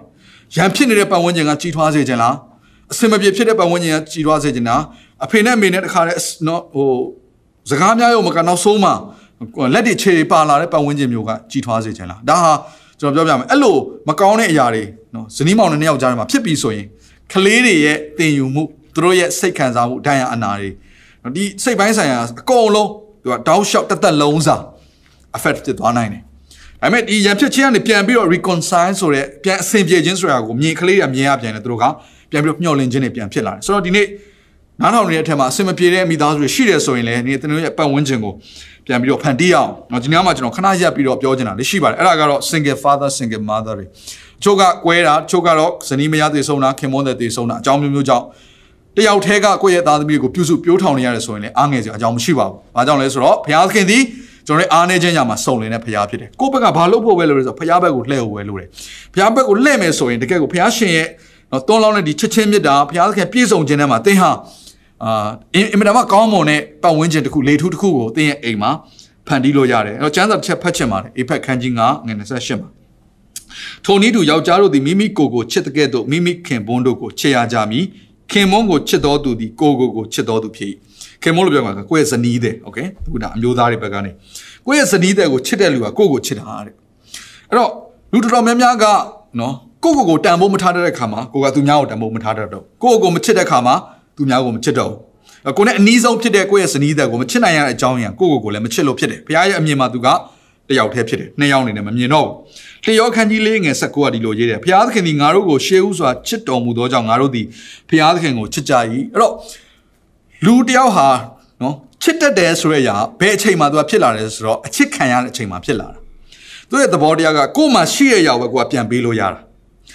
ကိုယ်မှငွေတထောင်မရှိဘဲနဲ့သူတစ်ပါးကိုတထောင်ပြန်ပေးလို့မရဘူးဟုတ်နော်ကိုယ်မှအရင်ဆုံးတထောင်ရှိဖို့လိုတယ်အဲ့တော့လူရဲ့သဘောတရားဒီအရင်ဆုံးကိုကခံယူရတာဖြစ်တယ်ဒါဆိုရင်ကျွန်တော်တို့ဒီကျွန်တော်တို့ရဲ့ဇနီးတွေကျွန်တော်တို့ရဲ့ခင်ပွန်းတွေကိုချစ်ဖို့ရန်အတွက်နော်အာမျိုးသမီးတွေဆိုရင်ဇနီးတွေဆိုကိုယ့်ရဲ့အမျိုးသားပေါ့နော်ဒါပေမဲ့ဒီနေ့ကတော့ဖခင်များနေဆိုကျွန်တော်ဖခင်တွေဥတီဘူးပြောနေတော့ကျွန်တော်နော်ဖခင်အမျိုးသားဆိုတဲ့အရာပဲပြောလိုက်မယ်ဆိုတော့အမျိုးသားတွေကကိုယ့်ရဲ့ဇနီးတွေကိုချစ်ချင်းဆိုတဲ့အရာကဘလို့ချစ်တတ်သွားတာလဲ တင်ကိုယ်တိုင်ကဖခင်ရဲ့အချစ်ကိုခံမှပဲရမယ်နော်ကိုကဖခင်သခင်ချစ်ချင်းမြတ်တာကိုမခံယူတတ်ဖ ೇನೆ ကိုကသူများကိုကိုယ့်ရဲ့ချစ်ချင်းမြတ်တာပေးဖို့ဆိုတော့ဘယ်လိုမှမဖြစ်နိုင်ဘူးအရင်ဆုံးတည့်ရဲ့တက်တာထဲမှာနှိမ်ချခြင်းနူးညံ့ခြင်းနဲ့ဘုရားသခင်ချစ်ချင်းမြတ်တာကိုကြိုဆိုဖို့အရေးကြီးပါတယ်။အဲ့တော့တစ်ပေခန်းကြီး3ငယ်9ထိုနည်းတူယောက်ျားတို့ဆူတောင်းခြင်းအမှု၌အစီတာမရှိစေခြင်းကအသက်ရှင်ခြင်းကျေးဇူးတော်ကိုဆက်ဆံ၍အမွေခံရသောသူချင်းကဲ့သို့တတိပညာနှင့်လျော်စွာကိုခင်ပွန်းဒါဇနီးတွေကိုပြောတာဖြစ်တယ်။ အတူနေ၍အာနေသောသူကိုပြုသင့်သည့်အတိုင်းသူ့ကိုစောင့်မပြုစုကြလော့။ဆိုတော့ဘုရားသခင်ရဲ့တတ်မှတ်ချက်ကဇနီးတဲ့ဟာဒါဒီလောကမှာလည်းဒီလိုပဲတတ်မှတ်ပါတယ်ဇနီးတဲ့ကခင်မွန်းတဲ့ဆိုင်ပို့ပြီးတော့အားနေတယ်အားနေတယ်လို့ပြောတဲ့ခါမှာတန်ဖိုးမရှိဘူးလို့ပြောတာမဟုတ်ဘူးเนาะ second class အဆင့်တန်းเนาะဒါယောက်ျားလောက်အာเนาะသူကပြည့်စုံမပြည့်စုံခြင်းမရှိဘူးလို့ပြောနေတာမဟုတ်ဘူးသူကဘာကိုပြောချင်တာလဲဆိုတော့ fragile fragile ဆိုရတာကသူကကွဲလေတယ်ထိလွယ်တယ် ဒါပေမဲ့လည်း precious တန်ဖိုးရှိတယ်အင်မတန်မှအရန်ကိုလှပတဲ့တန်ဖိုးအရန်ကြီးတဲ့တခါလေပန်းအိုးလေးတစ်လုံးလိုပဲနော်ကြာရင်လည်းကွဲသွားမယ်ဒါပေမဲ့ကွဲလို့လည်းမဖြစ်ဘူးတန်ဖိုးကအရန်ကြီးနေပြန်တယ်တန်ဖိုးထားဖို့ထားမဲ့အဲဒီအရာတစ်ခုပုံစံမျိုးပစ္စည်းတစ်ခုပုံစံမျိုးဇနီးတွေတွေဟာသူကယောက်ျားတွေလောက်တော့နော်ခွန်အားတော့မရှိအားနေတော့သူတို့ဖြစ်ကောင်းဖြစ်နိုင်တယ်သို့တော်လည်းပဲတန်ဖိုးရှိတယ်သူကအဓိကဒါကိုပြောချင်တာဖြစ်ဒါကြောင့်သူတို့ကိုတဲ့ဂယုစိုက်ပါ မဆပါလို့ပြောတဲ့အခါမှာတန်ဖိုးထားပါ။ဘာကြောင့်လဲ precious တန်ဖိုးရှိလို့ဖြစ်တယ်။ဒါတစ်ပေခန်းကြီးတော့ငယ်ခုနအင်္ဂလိပ်လိုဆိုတော့ဘယ်လိုရဲဆို giving honor unto the wife တဲ့ giving honor ဇနီးတဲ့ကိုချီးမြှောက်ပါ။နော်ဒါတိုက်ရိုက်ဘာသာပြန်ဆိုဇနီးတဲ့ကိုချီးမြှောက်ပါ။နောက်စကလုံးတစ်လုံးကဇနီးတဲ့ကိုဂုဏ်ပြုပါ။တော့တင်းရဲ့အိမ်မှာတင်းရဲ့အိမ်မှာတင်းကိုယ်တိုင်ကဇနီးတဲ့ကိုဂုဏ်ပြုခြင်းချီးမြှောက်ခြင်းဆိုတဲ့အလေးချင်းအပြောဆိုအမှုချင်းတွေကိုကလေးတွေရှေ့မှာလှုပ်သလား။က လေးတွေကြားဖို့လိုတယ်ကလေးတွေမြင်ဖို့လိုတယ်ဆိုတော့လက်ဆောင်လေးတစ်ခုဝယ်ပေးတဲ့အရာနော်ချီချူစကားလေးပြောတဲ့အရာနော်သူတို့ရဲ့ပင်ပန်းခြင်းတွေကိုစာနာတဲ့စကားတွေပြောတဲ့အရာနော်သူတို့ကို physically ရတခါထွေးပွေပြီးတော့နှစ်သိမ့်တဲ့အရာမျိုးတွေဒီအရာမျိုးတွေဟာနော်ကျွန်တော်တို့ကဒါနှစ်ယောက်ထဲကြားထဲမှာထင်ပြီးလှုပ်လိုက်ပေမဲ့ကလေးတွေကမြင်တဲ့အခါမှာသူတို့အတွက်ကြီးမားသောလုံခြုံမှုစိတ်ချမှုဝမ်းမြောက်ရှင်လန်းမှုကိုဖြစ်စေတယ်ဆိုတာကိုမမေ့ဖို့လိုတယ်ဆိုတော့ဒါစိတ်ပိုင်းဆိုင်ရာစပြီးတော့သူတို့ကို foundation ချပြီးတော့သင်လိုက်တာဖြစ်တယ်နံပါတ်1ချက် okay ကလေးနဲ့ပတ်သက်ပြီးသင်ကြားရေးမှာနံပါတ်2ချက်ကဲဘယ်လိုလေ့ကျင့်မလဲနံပါတ်2ချက်အရေးကြီးတဲ့ຢာကသူများကိုအာမကိုနဲ့ကျွန်တော်တို့မိဘတွေက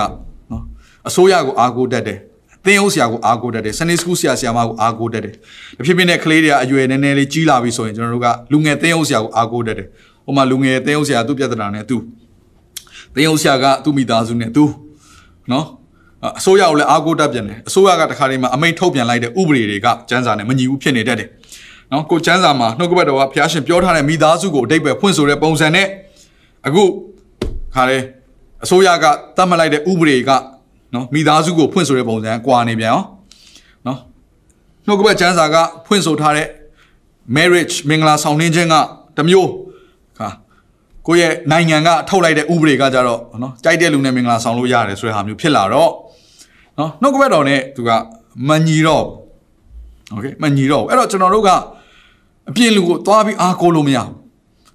အားကိုးလို့မရအောင်เนาะအသင်းအုပ်ဆရာတွေ Sunday School ဆရာမတွေလူငယ်အသင်းအုပ်တွေအားကိုးကသူတို့ကတပတ်မှတစ်ကြိမ်နဲ့ကြိမ်အလုံးစုံနှစ်ကြိမ်လောက်ပဲနိုင်ပိုင်းလေးပဲတွေ့ရတာကျွန်တော်ကလေးတွေရဲ့နေ့စဉ်အမြင့်ဆွဲနေတဲ့အရာတွေကိုပြောင်းလဲပေးလို့မရနိုင်ဘူးဆိုတော့တင် जा ရေးလေ့ကျင့်ရေးကဘဲကပဲစားရလဲအိမ်ကပဲစားရတယ်အဲ့တော့ကျွန်တော်တို့ကအကြောင်းတွေကိုမမိခိုးဖို့လိုတယ်โอเคအကြောင်းတွေကိုမမိခိုးဖို့လိုတယ်နောက်တစ်ခုက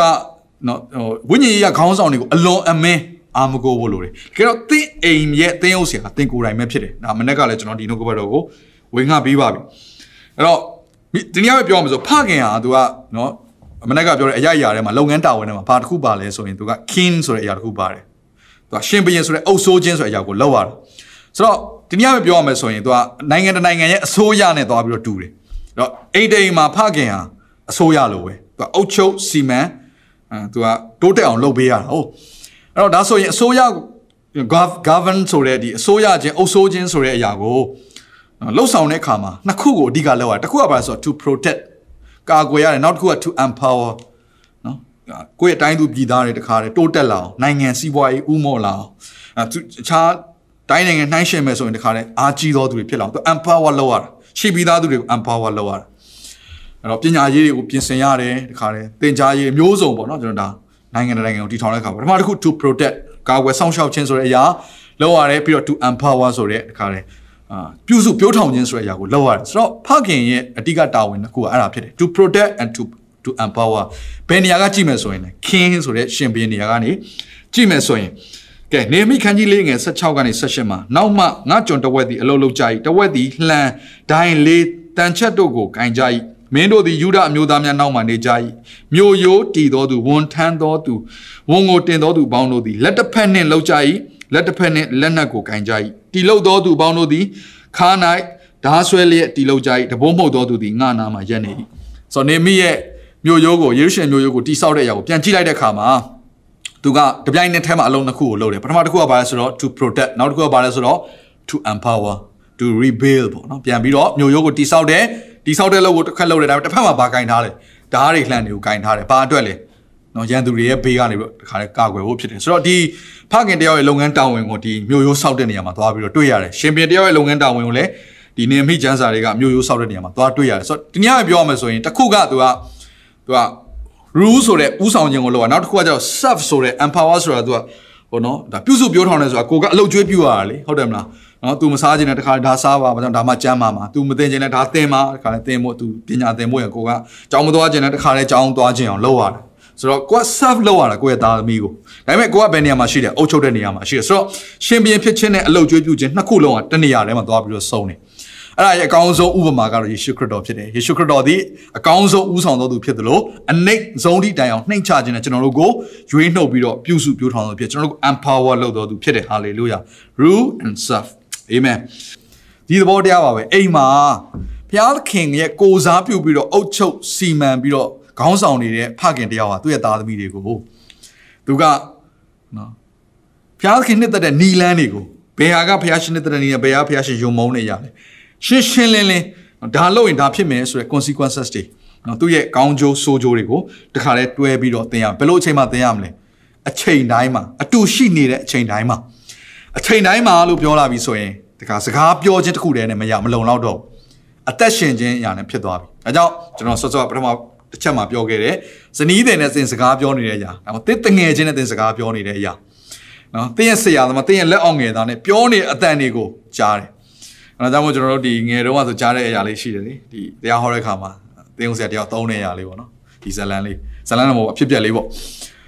အဲ့တော့ခါလဲ ဖုံးဝင်လာတယ်နော်ဖုံးဝင်လာတဲ့ဖုံးဖုံးကအာ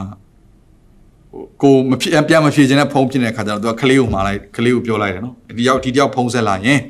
နော်အဖေမရှိဘူးလို့ပြောလိုက်ပါဆိုတော့ကလေးကတခါလေဖုံးကင်တဲ့ခါကျတော့သူ့ဖေပြောထားတဲ့လူဖြစ်နေတော့အဖေကမှားထားတယ်နော်အော်ဦးလေးဖုံးဆက်လာရင်တော့ तू မရှိဘူးလို့ပြောလိုက်ပါဆိုတော့တခါလေပြီးသွားပွဲသိမ်းသွားအောင်နော်အဲ့တော့ကလေးတွေရဲ့သဘောတရားကသူကနော်အကုန်လုံးကို तू ကတင်ယူနေတာဖြစ်တယ်နော် အဲ့တော့ तू ကတင်ကအဲ့လိုအဲ့လိုပုံစံပြောလိုက်ချင်တယ်ကလေးကို तू ကညာတဲ့နီးကိုတင်ပေးလိုက်တဲ့ပုံစံတက်ရောက်တယ်ဒါကြောင့်မလို့ကျွန်တော်တို့ဖုံးကိုပြောနေတဲ့စကားလုံးများပင်လေအတုံးလုံးများပင်လေအင်မတန်မှအရေးကြီးတယ်အဲ့တော့တင်ယူဖို့ရန်အတွက်အကောင်းဆုံးနေရာတစ်ခုကပါလေလို့ကျွန်တော်တို့ပြောမယ်ဆိုရင်နော်အကောင်းဆုံးနေရာတစ်ခုကသင်အိမ်မှာအတူဆုံနိုင်တဲ့နေရာဒါအကောင်းဆုံးနေရာဖြစ်တယ် ခဏအနေနဲ့အခြားအခြားအချက်တွေမှာကျွန်တော်ဒီအချက်လေးကိုလည်းအဓိကထားပြီးပြောခြင်းတယ်ဆိုတော့အတူနေခြင်းအတူသွားခြင်းလာခြင်းမှာကျွန်တော်ကျွန်တော်တို့အိမ်ရဲ့အရာနဲ့ပြန်ပြီးတော့ပြောပြမယ်ဆိုရင်ကျွန်တော်တို့အမြဲတမ်းဆုံတဲ့နေရာတစ်ခုကထမင်းစားစပွဲဖြစ်တယ်။နောက်ထမင်းစားစပွဲမှာကျွန်တော်တို့ချို့သော rules တွေချမှတ်ထားတဲ့တယ်။ဥပမာဆိုတော့အဲ့အချိန်ကသူတို့ဒီကလေးတွေနဲ့အကောင်းဆုံးစကားပြောမဲ့ချိန်ဖြစ်တဲ့ကြောင့်မလို့အဲ့အချိန်မှာ no screen time okay ဖုန်းတွေ iPad တွေဘာမှမသုံးရဘူး။ဟုတ်ပြီနော်။ဆိုတော့အကယ်၍ကျွန်တော်ကအဲ့ rules ကိုချမှတ်ထားပြီးတော့ကျွန်တော်ကအရေးကြီးတဲ့ဖုန်းကောရှိလို့ဆိုပြီးတော့ အဲ့ဒီစပွဲဝိုင်းမှာပဲကျွန်တော်ကဖုန်းကိုစကားပြောရဲဆိုရင်အဲ့ဒီမှာရှိနေတဲ့နော်သူတွေကနော်ကျွန်တော်ကိုယ်တိုင်က rules တွေကိုနော်ချိုးဖောက်တဲ့အရာဖြစ်တဲ့အအဲ့ဒီပုံသက်တွေကိုသူတို့ပြလိုက်တာ ਨੇ အတူတူပဲဆိုတော့ဒီလိုတော့သတ်မှတ်ထားတယ်ဒါပေမဲ့ငါတို့ချိုးဖောက်လို့ရတယ်ဆိုတဲ့အရာမျိုးသင်ပေးလိုက်တာ ਨੇ အတူတူပဲအဲ့တော့ကျွန်တော်တို့ကျွန်တော်တို့ဒါမိသားစုတွေမှာထမင်းစားစပွဲမှာစုံတဲ့အတွက်ကြောင့်မလို့နော်အဲ့ချိန်ဟာကလေးနဲ့စကားပြောမဲ့ချိန်နောက်တစ်ခုအဲ့ချိန်ဟာတက်တည်ခံချက်တွေအကောင်းဆုံးပြောရမဲ့ချိန်နောက်ကျွန်တော်ပြောမဲ့အခြားသောအချက်လက်တွေဟာနော် ဘယ်မှာအဓိကပို့ပြီးတော့နော်သုံးရလဲဆိုမိသားစုစုံနိုင်တဲ့ချိန်မျိုးနောက်တူးချင်းတွေ့တဲ့အချိန်တွေအများကြီးရှိတယ်ဆိုတော့ကျွန်တော်ဒါလေးကိုအလင်းသိတယ်လို့ကျွန်တော်ပြောပြသွားမယ်ကဲနံပါတ်3ချက်ကတော့ဒါနော်နံပါတ်3ချက်မိမိကလေးငယ်တွေစီကနော်မိမိကလေးတွေစီကနေသင်ယူပါဆိုတော့ဒီညမှာပြောမှာဆို humility ဆိုနှိမ်ချခြင်းကိုပြောနေတာဖြစ်တယ်အဲ့တော့ဒါကိုက boss လို့ဥဆောင်နေတာလားဒါမှမဟုတ်ရင် leaders လို့ဥဆောင်နေတာလားဟုတ်နော် leader ဆိုတာကတော့ example နဲ့ပုံသက်တဲ့ နဲ့ဥဆောင်တယ် boss ကတော့သူကခိုင်းစေတာဖြစ်တယ်ဒါဆိုရင်ကလေးတွေကတင့်ကိုဝန်ခံခြင်းဟာမတက်တာလို့ကြောက်လို့နားထောင်နေရတာရိုက်မှဆိုးလို့ဒါဝန်ခံနေရဒါမှမဟုတ်ဝမ်းမြောက်ရှင်လန်းစာနဲ့တင့်ကိုယိုသေးခြင်းလေးစားခြင်းနဲ့ဝန်ခံရတာလားတင်းဦးဆရာကြီးနဲ့တင်းထောက်တွေရဲ့အရေးချင်းတခုမနေ့ကလည်းနှုတ်ကပတ်တော်တွေမှာထည့်ပြောပါတယ်နော်အဲ့ဒါပါလေမိမိအိမ်ကိုကောင်းမွန်စွာအုပ်ဆိုးတယ်ဆိုအဲ့အုပ်ဆိုးတဲ့ rules and manage well ဆိုတဲ့ဒီစကားလုံးလေးဟာနော် ကိုယ့်ရဲ့သားသမီးတွေကိုကောင်းမွန်စွာတွန်းတင်နိုင်တော်သူဖြစ်ရမယ်ဆိုတဲ့အရာကောင်းမွန်စွာကြည့်ရှုနိုင်တော်သူဖြစ်ရမယ်ဆိုတဲ့အရာဟာဘာကိုပြောလဲဆိုရင်ကိုယ့်ရဲ့သားသမီးတွေကိုယ့်ရဲ့ဇနီးတွေဟာတဲ့ကိုယ့်ကိုယိုသေးခြင်းနဲ့လေးစားခြင်းနော်က with reverence ကြည်ညိုခြင်းနဲ့သူကဝန်ခံကြတာဖြစ်တယ်ပြောမှဆိုရင်ရွှေရွှင်လန်းလန်းလိုလိုလာလာဝန်ခံကြတာကြောက်လို့မဟုတ်မတက်တာလို့မဟုတ်ခွန်အားနဲလို့တခါဒီချိန်မှာတော့ငါချိုးချန်လိုက်မယ်ဆိုတဲ့ဟာမျိုးတနေ့ကျရင်တော့ငါ ငါလွတ်လပ်တဲ့ခါကျတော့ငါလှုပ်ချန်လုပ်မယ်ဆိုတဲ့ဟာမျိုးအဲ့အတွေးတွေကသူတို့ထဲမှာဝင်သွားတယ်ဒါကြောင့်ကျွန်တော်တို့ကကလေးတွေရဲ့အရှိမကျွန်တော်တို့စကားပြောဆိုနေထိုင်ပြုမှုခြင်းမှာဘာပါသွားဖို့လိုလဲဆိုတော့တကက်ရှင်းလင်းတဲ့အရှိကိုအရှိတိုင်းနော်နှိမ်ချခြင်းနဲ့အသက်ရှင်မှုလိုတယ်ဆိုတော့လက်တွေ့ကျွန်တော်ပြောပြမယ်အဲ့ဒါပါလဲဆိုတော့သင်အမှားလုပ်မိရင်ဝန်ခံဖို့အစဉ်သင့်ပြင်ပါအဲ့တော့ကျွန်တော်အိမ်က practice လေးတခုကျွန်တော်ပြောပြချင်အဲ့ဒါပါလဲဆိုတော့ကျွန်တော်တို့ကအခုတို့ကစကားပြောဆွေးနွေးလို့ရတဲ့အရွယ်ရောက်လာခဲ့ကျွန်တော်တို့ သူတို့ကိုလေ့ကျင့်တဲ့ပုံစံတွေပြောင်းတယ်ဗောနော်အခုတောက်လျှောက်ပြောင်းလာပြီပြောင်းလာတော့အခုကျွန်တော်သားက pre teenagers ဖြစ်လာတဲ့ခါကျတော့ तू तू သိရရတဲ့အရန်များ तू စောက်တွေအရန်ဖတ်တော့အရန်သိတယ်နောက်တွေးခေါ်တဲ့ပုံစံလူကြီးတယောက်တော့ကောင်းကောင်းတွေးခေါ်နေပြီ okay ကျွန်တော်ကျွန်တော်တို့ကျွန်တော်တို့ရဲ့ကျွန်တော်တို့သိရသိတဲ့ knowledge တဲ့ပိုပြီးများတဲ့ knowledge ကို तू ရနေပြီ तू သိနေပြီအဲ့တော့ဘာဖြစ်လဲဆိုကျွန်တော်တို့အာဟိုသူတို့လေ့ကျင့်တဲ့ပုံစံပေါ့နော်သူတို့ ਨੇ ရင်းနှီးဆက်သွယ်တဲ့ပုံစံပြောင်းလိုက်တော့တခုအဲ့ထက်တခုကဘာလဲဆိုသူတို့ ਨੇ အတူထိုင်ပြီးတော့စကားပြောတာ ဆိုတော့ကျွန်တော်တို့ဆူတောင်းခန်းထဲမှာကျွန်တော်စကားပြောကျွန်တော်ပြင်ဆင်တယ်အဲ့တော့ကျွန်တော်တို့ကျွန်တော်ကစပြီးတော့ initiate လုပ်တာပေါ့နော်ဒီကိစ္စကို okay အဲကျွန်တော်သားတွေခေါ် Daniela Derrilla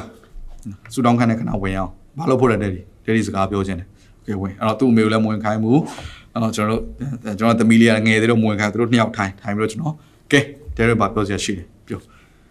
ဒန်နီယယ်ဘာပြောစရာရှိတယ်ပြောဒယ်ရီလည်းပြောစရာရှိတယ်ညာပြောမယ်ဆိုတော့ तू ပြောတဲ့အချိန်မှာကျွန်တော်နားထောင်ပေးမယ်အဲ့လိုပဲကျွန်တော်ပြောတဲ့အချိန်မှာသူတို့နားထောင်ဖို့ဒီလိုစီကန်းလေးချက်လေးသတ်မှတ်ပြီးတော့ပြော စိတ်ကြိုက်ပြောပြီးရင်ကျွန်တော်တို့မရှင်းတဲ့ຢာတွေပြန်မေးနော်ဟောမင်းမင်းပြောချင်တာဒီလိုလားโอเคဒယ်ရီနားလေတာဒီလိုဖြစ်နေတယ်โอเคအမဟုတ်ဘူးကပြန်ပြောစသဖြင့်ပေါ့ communication ကိုကျွန်တော်ရှင်းလင်းအောင်လုပ်လိုက်တယ်ဟုတ်ပြီနော်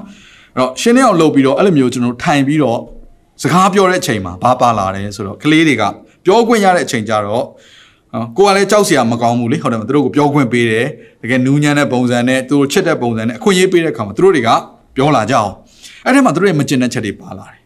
နော်ကျွန်တော်တို့လုံးပြီးအမှားတွေကိုသူတို့ကမှတ်ထားရတဲ့ပါလာတယ်ဒါအင်တာမကောင်းတဲ့နော်အလေးချင်းလေးတစ်ခုဖြစ်တယ်ကျွန်တော်တို့ကအဲ့လိုထိုင်ပြီးစကားမပြောဆိုသိရမှာမဟုတ်ဆိုတော့အဲ့ဒါကဘာဖြစ်လဲဆိုတော့သူတို့အထဲမှာမကောင်းတဲ့မျိုးစေ့တွေနဲ့ပါတော့အကယ်၍ကျွန်တော်တို့စကားပြောခွင့်မပေးဘူးဆိုရင်ဒါကြောင့်ကျွန်တော်ရဲ့ဒီမေကွန်တစ်ခုပေါ့နော်ဒီအချက်နဲ့ပတ်သက်တဲ့မေကွန်တစ်ခုကဒီကလေးတွေစီကတင်ယူပါဆိုတဲ့အရာမှာတင်ဟာကလေးတွေရဲ့အရှိမှာနှိမ့်ချစွာနဲ့မိမိအပြစ်ကိုဝန်ခံတတ်သောသူတယောက်ဖြစ်ဖို့ရင်ကလေးတွေကိုဘယ်လိုအခွင့်အရေးပေးတယ်လဲ ဒါမှမဟုတ်ရင်ငါမိဘငါပြောတဲ့အတိုင်းမင်းတို့လိုက်လို့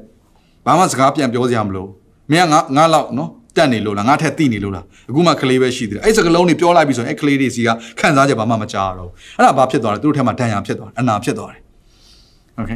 ဆိုတော့ချို့သောຢာတွေကသူတို့ခံယူချက်ယုံကြည်ချက်ဖြစ်သွားတယ်ယုံကြည်ချက်အမှားကြီးဖြစ်သွားတယ်ဆိုတော့တနေ့ကျသူတို့ကလေးတွေကိုဒါပဲသွန်သင်တော့မယ်နောက်တစ်ခါသူတို့ကိုသူတို့နော်သူတို့ထက်ပိုပြီးတက်တဲ့လူတယောက်တွေ့မယ်သူတို့ထက်ပိုပြီးတော့ powerful ပိုဖြစ်တဲ့လူတယောက် အပြင်နယ်ပယ်အလုပ်နယ်ပယ်ထဲမှာတွေ့မှာပဲတွေ့ရချင်ကြသူကကြော်လောက်အောင်မကြိုးစားတော့သူကနော်ကိုကိုအောင်မြင်အောင်ဆိုပြီးတော့သူကတိုးတက်ဖို့ရမလုပ်တော့ဘဲနဲ့အဲသူတို့ကနော်ဆုံးရှုံးခြင်းဆိုတဲ့အရာငါမသိပါဘူးငါမတက်ပါဘူးဆိုတဲ့အရာမျိုးသူတို့သင်ပေးလိုက်တာ ਨੇ အတူတူပဲဖြစ်တယ်အဲ့တော့ကျွန်တော်မေးချင်တယ်သင်ဟာသင်ရဲ့ကလေးတွေစကားပြောတတ်တဲ့အရွယ်ဆွေးနွေးနိုင်တဲ့အရွယ်ရောက်လာပြီဆိုရင်ဒါပုံမှန်အဖြစ်ဆိုရင်နော်၈နှစ်9နှစ်10နှစ်ဆိုရပြီကျွန်တော်သားတွေကတော့အခု10နှစ်နဲ့ဒါနော် 9နှစ်10အဲပေါ့နော်10နှစ်နဲ့ကျွန်တော်12နှစ်အရွယ်တွေဖြစ်လာတဲ့ခါကျတော့ကျွန်တော်တို့ဒီအရာကိုအာကျွန်တော်သူတို့နဲ့စပြီးစကားပြောခြင်းဆိုတဲ့အရာကိုကျွန်တော်စပြီးတိဆောက်လာတာပေါ့အခုနောက်ပိုင်းကျတော့ကျွန်တော်တို့တီးကြအခန်းထဲမှာကိုတခါတည်းတယောက်ချင်းစီတောင်မှနှစ်ယောက်ဒီလိုပုံစံမျိုးတွေ့တယ်ပြီးရင်တခါကျွန်တော်ကသူစကားပြောရင်းနဲ့သူ့အမေနဲ့ပတ်သက်တဲ့ကိစ္စတွေပါလာတယ်ဆိုရင်ကျွန်တော်ခဏနေရောဆိုပြီးတော့သူ့အမေကိုသွားခေါ်ပြီးတော့ကဲထိုင်ပြီးတော့နားထောင်ပေးပါနော်မမီနဲ့ပတ်သက်တာကိုသူပြောချင်တာရှိတယ်တေချာလေးနားထောင်ပြီးဒီလိုပုံစံမျိုးကျွန်တော်နောက်တစ်ခါပြန်ပြီးတော့စုံတွေးခိုင်းတဲ့အရာမျိုးကျွန်တော်လုပ်ခိုင်းတယ် ပြီးရင်တို့ညီကိုနှစ်ယောက်ခါနော်ဒါတို့အမားတွေလုံးမရင်ကဲခန်းထဲမှာခဏဝင်အမားတွေကိုမင်းတို့အမားတွေအရင်ဆုံးခဏစဉ်းစားနော်ပြီးရင်ဒဲဒီလာမယ်စသဖြင့်အကက်သူတို့လုတ်မိရတာအမားလားဘာကြောင့်လောက်ရတာစသဖြင့်ဒီကောင် review လို့တကယ်လူကြီးဆန်ဆန်ကလေးတို့အာဒါဒါမှားသလားသွားဆိုတော့အပြစ်ပေးတဲ့ဟာမျိုးမလုပ်တော့ဘူးတခါတည်းမှားတခါတည်းအပြစ်တင်တာမျိုးမဟုတ်တော့ဘဲနဲ့ဘာကြောင့်မှားဒီပြဿနာကိုဘယ်လိုဖြေရှင်းမလဲဒါကြီးကဘယ်ကနေဒီပြဿနာကြီးကဘယ်ကပေါ်လာလဲနော်အာအစရမင်းတို့တယောက်တယောက်မကြိုက်တာဒါမှမဟုတ်ဒီပြဿနာကြောင့်မင်းတို့ရန်ဖြစ်ကြတာလား အဆင်မပြေဖြစ်ကြဒီပြဿနာတွေကိုဖြေရှင်းတဲ့နော် problem solving တွေမှာကဲကိုရှိကိုရှိတိုင်းသူတို့ရဲ့အမှားတွေလည်းဝန်ခံတယောက်နဲ့တယောက်နော်သူတို့ညီကိုနှစ်ယောက်မှားလဲဆိုရင်တယောက်တယောက်ဝန်ခံခိုင်းတခါတယောက်တယောက်ပြန်ပြီးတော့ reconcile လုပ်တဲ့ဥစ္စာ you know ကိုအမှားကိုဝန်ခံတတ်တဲ့အလေးချင်းတွေလုပ်ပေးတယ်အဲ့လိုသူတို့သူတို့အမှားကိုသူတို့ဝန်ခံတတ်လာဖို့အရင်ဆုံးပါလုပ်ရလဲကျွန်တော်တို့လူကြီးတွေကကျွန်တော်ကိုယ်တိုင်ကကျွန်တော်မှားတယ်ဆိုကျွန်တော်ဝန်ခံ okay အေး steady မှားသွားတယ်ဒါလေးလုံးမိဒါလေးပြောမိတယ် okay ဆိုတော့ I need your forgiveness နော်ဒါရဲ့ခွင့်လွှတ်ခြင်းကို daddy လိုအပ်တယ်ဒါကြောင့်မလို့ခွင့်လွှတ်ပါအဲနောက်တစ်ချိန်ဒါမျိုးမဖြစ်ဖို့ရတဲ့ daddy ပြင်ဆင်မယ်ဒီလိုပုံစံမျိုးသူတို့ကိုခရီးပေးတယ်အဲသူတို့ကလည်းအဲ့ခရီးကိုမှတ်ထားတယ်နော်နောက်တစ်ချိန်ကိုမှားမိလို့တော့ဒါတွေ့ပြီပဲအဲ့တော့ပြောချင်တာကကျွန်တော်တို့ကကျွန်တော်တို့ရဲ့ကလေးတွေကိုတုံတင်တဲ့ခါမှာအရင်တော့ကျွန်တော်သိခဲ့ကျွန်တော်တို့ကြော်ဖြတ်ခဲ့တဲ့အရာတွေနဲ့မဟုတ်ဘဲနဲ့နှုတ်ကပတ်တော်နဲ့အညီโอเคနှိမ်ချတဲ့သဘောထားနဲ့ဘာကြောင့်ဒီလိုပြောလဲဆိုရင်ယေရှုခရစ်တော်ကဒီကလေးတွေစီကသင်ခိုင်းတဲ့အရာတခုမာကု30 14 16မှာအရန်ဒါเนาะကျွန်တော်သိကြတဲ့ဇာလန်လေးဖြစ်တယ်ယေရှုသည်မြင်တော်မူလင်ဒါကလေးတွေကိုတပည့်တော်တွေကစီးတားရရပါเนาะယေရှုသည်မြင်တော်မူလင်အမျက်တော်ထွက်၍ထိုတငယ်တို့ကိုငါထံသို့လာပါလေစေမစီးတားကြနှင့်ဘုရားသခင်နိုင်ငံတော်သည်ထို့သောသောသူတို့၏နိုင်ငံဖြစ်၏ငါအမှန်ဆိုသည်ကအကျဉ်သူသည်ဘုရားသခင်နိုင်ငံတော်ကိုတငယ်ကဲ့သို့မခံမယူထို့သူသည်နိုင်ငံတော်ကိုမဝင်ရဟုမိန့်တော်မူပြီးမှတငယ်တို့ကိုခြိပ၍သူတို့အပေါ်မှာလက်တော်ကိုတင်လျက်ကောင်းကြီးပေးတော်မူ၏အတိပ္ပယ်ကပါလဲ တငယ်လေးတို့မဖြစ်ဘူးဆိုရင်ဒါကြောင့်ကျွန်တော်တို့နိုင်ငံတော်ကိုတကယ်နိုင်ငံတော်ရဲ့ကောင်းကြီးမင်္ဂလာပြည့်ဝကိုတကယ်လိုချင်တယ်ဆိုရင်ကလေးတွေကတင်းယူစရာအများကြီးရှိတယ်ဆိုတော့ကလေးတွေစရာတင်းယူခြင်းဟာနော်သူတို့ရဲ့ရှေ့မှာသူတို့ကဲ့သို့နှိမ်ချခြင်းဖြစ်တယ်သူတို့ကဲ့သို့ပွန့်ပွန့်လင်းလင်းနော်မကွယ်မဝဲနဲ့သူတို့ကိုလည်းနော်တကယ်ကိုတန်ဖိုးထားပြီးတော့ respect honor တကယ်သူကတန်ဖိုးရှိကြအောင်စကားပြောနေနေပေါ်လွင်နေတယ်ဘာကြောင့်ငါဖေကငါ့ကိုဒီလောက်ထိစိတ်ရှိရှိနဲ့နော် ဒီຢာတွေကိုထိုင်ပြီးဆွေးနွေးနေတာဆိုသူကကလေးရဲ့သဘောတရားသူတို့ကိုလူကြီးလို့ဆက်ဆံရင်သူကလူကြီးလို့သူကပြန်တုံ့ပြန်တယ်အတုံးမကြတဲ့လူလိုဆက်ဆံအတုံးမကြတဲ့ကလေးလေးပုံစံမျိုးတော့တုံ့ပြန်တယ်ဆိုတော့ကိုကအတုံးမကြတဲ့ပုံစံမျိုးဆက်ဆံပါများသွားရင်စကားပြောပါများသွားရင်အတုံးမကြတဲ့ကလေးတွေဖြစ်သွားအောင်အဲသူဟာတော်တဲ့လူတယောက်တကယ်ကိုထက်မြက်တဲ့လူတယောက်ပုံစံလူကြီးတကယ်ကိုအရေးပါတဲ့လူတယောက်အနေနဲ့ဆက်ဆံတဲ့အခါမှာဒီကလေးတွေအရေးပါတဲ့ကလေးလေးသူ့ရဲ့ဘဝသက်တာမှာနော်ငါဟာအရေးကြီးတဲ့လူတယောက်ဖြစ်တယ်ဆိုတော့သူ့ကိုယ်သူဒီယုံကြည်ခြင်းနဲ့မွေးဖွားလာတယ်ဒါကြောင့်ကျွန်တော်တို့ နော်ကျွန်တော်တို့ရဲ့အသက်တာမှာလည်းကလေးတွေနဲ့အတူနေရင်းကနေပြီးတော့ကြီးထွားရင့်ကျက်ခြင်းဆိုတဲ့ဒီအခွင့်အရေးကိုလက်မလွတ်စေချင်ပါဘူး။အဲကြောင့်လဲကလေးငယ်တွေစီကသင်ယူဖို့ယေရှုခရစ်တော်ကပြောတာဟုတ်ကလေးငယ်ကဲ့သို့လို့ပြောတဲ့အခါမှာဒီကလေးငယ်တွေစီမှာမင်းတို့သင်ယူစရာတွေအများကြီးရှိတယ်လို့ပြောနေတာနဲ့အတူတူပဲ။ဒါဆိုရင်ကျွန်တော်တို့ကလေးနဲ့ကလေးတွေကိုကျွန်တော်တို့ကထိန်းချောင်းရင်းနဲ့ဘသူကနော်တက်ဟိုအကျိုးမြတ်ရသွားနိုင်တယ်ဆိုကျွန်တော်တို့ကိုယ်တိုင်ကအကျိုးမြတ်ရသွားနိုင်တယ်။ဆိုတော့ကျွန်တော်တို့ တိုးတက်မဲ့ရကျွန်တော်တို့ကိုယ်တိုင်ကရင့်ကျက်ခြင်းဆိုတဲ့အရာကိုရောက်သွားနိုင်တယ်။အဲ့တော့ကိုယ့်ရဲ့ကလေးတွေကိုကောင်းမွန်စွာစိတ်ရှည်ခြင်းနဲ့ပြုပြင်သွန်သင်ဆုံးမနိုင်တယ်ဆိုရင်အသင်းတော်မှာတွေ့ရတဲ့အဆင်မပြေတဲ့လူတွေကိုစိတ်ရှည်ခြင်းနဲ့သွန်သင်ဆုံးမခြင်းတန်ဖိုးထားတတ်ခြင်းနေရာပေးတတ်ခြင်းဆိုတဲ့အရာတွေဟာသူ့လိုလိုဖြစ်လာတယ်ဒါကြောင့်မလို့မိမိအိမ်ကိုကောင်းမွန်စွာအုပ်ဆိုးမှာပဲသင်းအုပ်ဆိုတဲ့ခေါင်းဆောင်အဆင့်စီကိုတန်လန်းခြင်းစီကိုသွားမယ်ဆိုရောက်ပြောထားတယ်အဲ့တော့ကျွန်တော်တို့မိဘတွေကျွန်တော်ဒီအချက်လေးကိုကျွန်တော်ဒီဟာလေးနဲ့အဆုံးသတ်ခြင်းနဲ့တင်းရဲ့အသက်တာထဲမှာ အာနောင်တရဖို့လုံးဝဝင်မလေးပါနဲ့เนาะတင်းရဲ့အသက်တာအမှန်အတိုင်းဖွင့်ပြပြီးတော့စကားပြောဖို့အဲ့ခွင့်ရည်တွေကိုပြင်ဆင်ပါနောက်တစ်ချက်ကတော့เนาะကျွန်တော်တို့ရဲ့နှလုံးသားထဲမှာတင်ယူတတ်တဲ့နှလုံးသားကိုအမြဲတမ်းပြင်ထားပါငါခရီးစငါတင်မယ်ငါငါငါငါတို့စီကတင်ယူကြတယ်အများကြီးရှိတယ်ဆိုအဲ့နှလုံးသားကိုကျွန်တော်နော်အမြဲတမ်းပြင်ဆင်ပါနောက်တစ်ခုနော်ဆောဆောကျွန်တော်တို့ဒီဒါတွေးဆုံတဲ့အချိန်တိုင်းမှာဘာပြောဖို့လိုလဲဆိုရင် testimony ဆိုတဲ့သက်သေခံချက်တွေ လုပ်ဖို့လိုတယ်ဆို testimony power of testimony နော်သက်သေခံခြင်းကနေထွက်လာတဲ့ကိုအရန်ကြီးမားတယ်ဘာဒါကနော်ကျွန်တော်တို့ရဲ့ဘိုးဘေးကလည်းဖြစ်နိုင်တယ်ကျွန်တော်တို့ရဲ့ပတ်ဝန်းကျင်မှာလေးစားရတဲ့လူတွေရဲ့အသက်တာတွေဖြစ်နိုင်တယ်နော်ကျွန်တော်တို့ကိုယ်တိုင်ဖြတ်သန်းရတဲ့အတွေ့အကြုံတွေဖြစ်နိုင်တယ်အဲ့ဒါတွေကိုကလေးနဲ့ဝေမျှတဲ့အခါမှာကလေးတွေကဘာသင်ယူသွားလဲဆိုတော့အော်ငါအဖေရဲ့အသက်တာနေ့ရက်တိုင်းသူ့ရဲ့အရေးဘဝရဲ့အရေးကြီးတဲ့အချက်တိုင်းမှာဘုရားသခင်ပါသွားပါလားဒါဆိုရင်ငါဘဝရဲ့အနာဂတ် ရှောက်လန်းတဲ့အထက်မှာဘုရားငါနဲ့အတူပါမှာပါလားဆိုတဲ့အဲစိတ်ချခြင်းဘုရားပေါ်မှာကိုးစားခြင်းနဲ့စိတ်ဘုရားကသစ္စာရှိပါလားဆိုတာကိုကျွန်တော်တို့ရဲ့တက်သေးခံချက်တွေကနေသူတို့ကတင်သွားတာဖြစ်တယ်လို့သူတို့ကိုယ်တိုင်ကလည်းတက်သေးခံမဝင်မလေးလာတော့နော်သူတို့ရဲ့အိမ်မက်တွေကတဆင့်သူတို့ရဲ့အကြောင်းမှာကြုံရတဲ့အရာတွေကတဆင့်အရင်တော့ဆိုကျွန်တော်တို့နော်ကလေးတွေကိုတက်သေးခံခိုင်းရတာဆက်စားခြင်းတက်သေးခံခိုင်းတဲ့ခါမှာအရန်ခက်တယ်နော်သူတို့မှပြောစရာစကားမရှိဘူးဒါပေမဲ့ဒီတက်သေးခံခြင်းဆိုတဲ့အရာကိုအလေးချင်းလောက်လာတယ်ထမင်းစားစပွဲစပွဲဝိုင်းမှာစကားပြောရင်ဒါတွေပြောလို့ရတယ်ဟာအခုနော် ဒယ်ဒီအဲ့တုန်းကဆိုရင်ဒယ်ဒီငငယ်တုန်းကဆိုရင်ဟာနော်ဒီလိုအစားအသောက်တွေမစားရဘူးအဲဒီလိုစကားလုံးတွေစလိုက်ပြီဆိုရင်အဲ့ရနေဘုရားသခင်ကဘလို့ဝါစာကြွေးခဲ့လဲအဲ့လိုခက်ခဲတဲ့အချိန်မှာလေ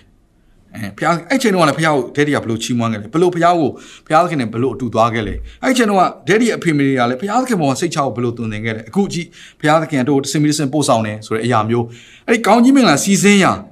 ဒီ history လေးတွေနော်ဒီ chronological လေးတွေပြောပြလိုက်တဲ့အခါမှာသူရဲ့ ဘုရားသခင်ပြုတ်ခဲ့တဲ့အမှုတွေကိုစီလိုက်တဲ့အခါမှာဘုရားသခင်အော်ကြီးစငါတို့မိသားစုဘုရားသခင်ကအမြဲတမ်းဆွဲခေါ်သွားပါလားဆိုတဲ့အရာတွေကိုသူတို့ကမင်းစားနေနဲ့သင်ရပြီအဲ့လိုပုံစံအဲ့တော့သူတို့ကဟိုကျေးဇူးတော်ချီးမွမ်းနေဆိုတော့ကိုရောချကျွေးအီစာလေးကျေးဇူးကြီးလားဟိုဖားဆိုတဲ့အလွတ်ရွတ်တဲ့ပုံစံသင်ပေးတာမဟုတ်ဘဲတကယ်နှလုံးသားတွေက thank you lord ဆိုတဲ့အ ရာဘုရားခင်ဒီမိဘတွေကျေးဇူးတင်လိုက်တာကိုရောဘုရားခင်ဒီအစားအသောက်တွေကျေးဇူးတင်လိုက်တာဆိုတော့တကယ်နှလုံးသားတွေကထွက်လာတဲ့ကျေးဇူးတင်ခြင်းချီးမွမ်းခြင်းကိုသူလှုပ်တက်လာတယ်နော်ဆိုတော့ဒါထမင်းစားစပွဲဝိုင်းဟာလည်းတင်ကြားတဲ့နေရာတစ်ခုဖြစ်တယ်ဆိုတော့ဟုတ်မမေ့စေချင်ဘူးကဲဒါနံပါတ်၄ချက်လည်းဖြစ်တယ်ဒါမိသားစုထဲမှာမကြာခဏနော်အာတက်တီခံတက်တီခံမှာဆိုတဲ့အရာနော်ဒါအရေးကြီးတဲ့အရာတစ်ခုဖြစ်တယ်ဒါနံပါတ်၄ချက်ဖြစ်တယ်ပေါ့နော်ကျွန်တော်နံပါတ်၄လို့ပြောပြောဖို့ကျွန်တော်မေ့သွားတယ်နောက်ထပ်တစ်ခုဒီတက်တီခံခြင်းထဲမှာအရေးကြီးတဲ့အရာတစ်ခုကပါလဲဆိုတော့ အာသူတို့ကိုအထူးသဖြင့်ကလေးတွေကိုချီးမြှောက်ချီးမြှောက်ဖို့လိုတယ်ချီးကျူးဖို့လိုတယ်ဆိုတော့သူတို့ရဲ့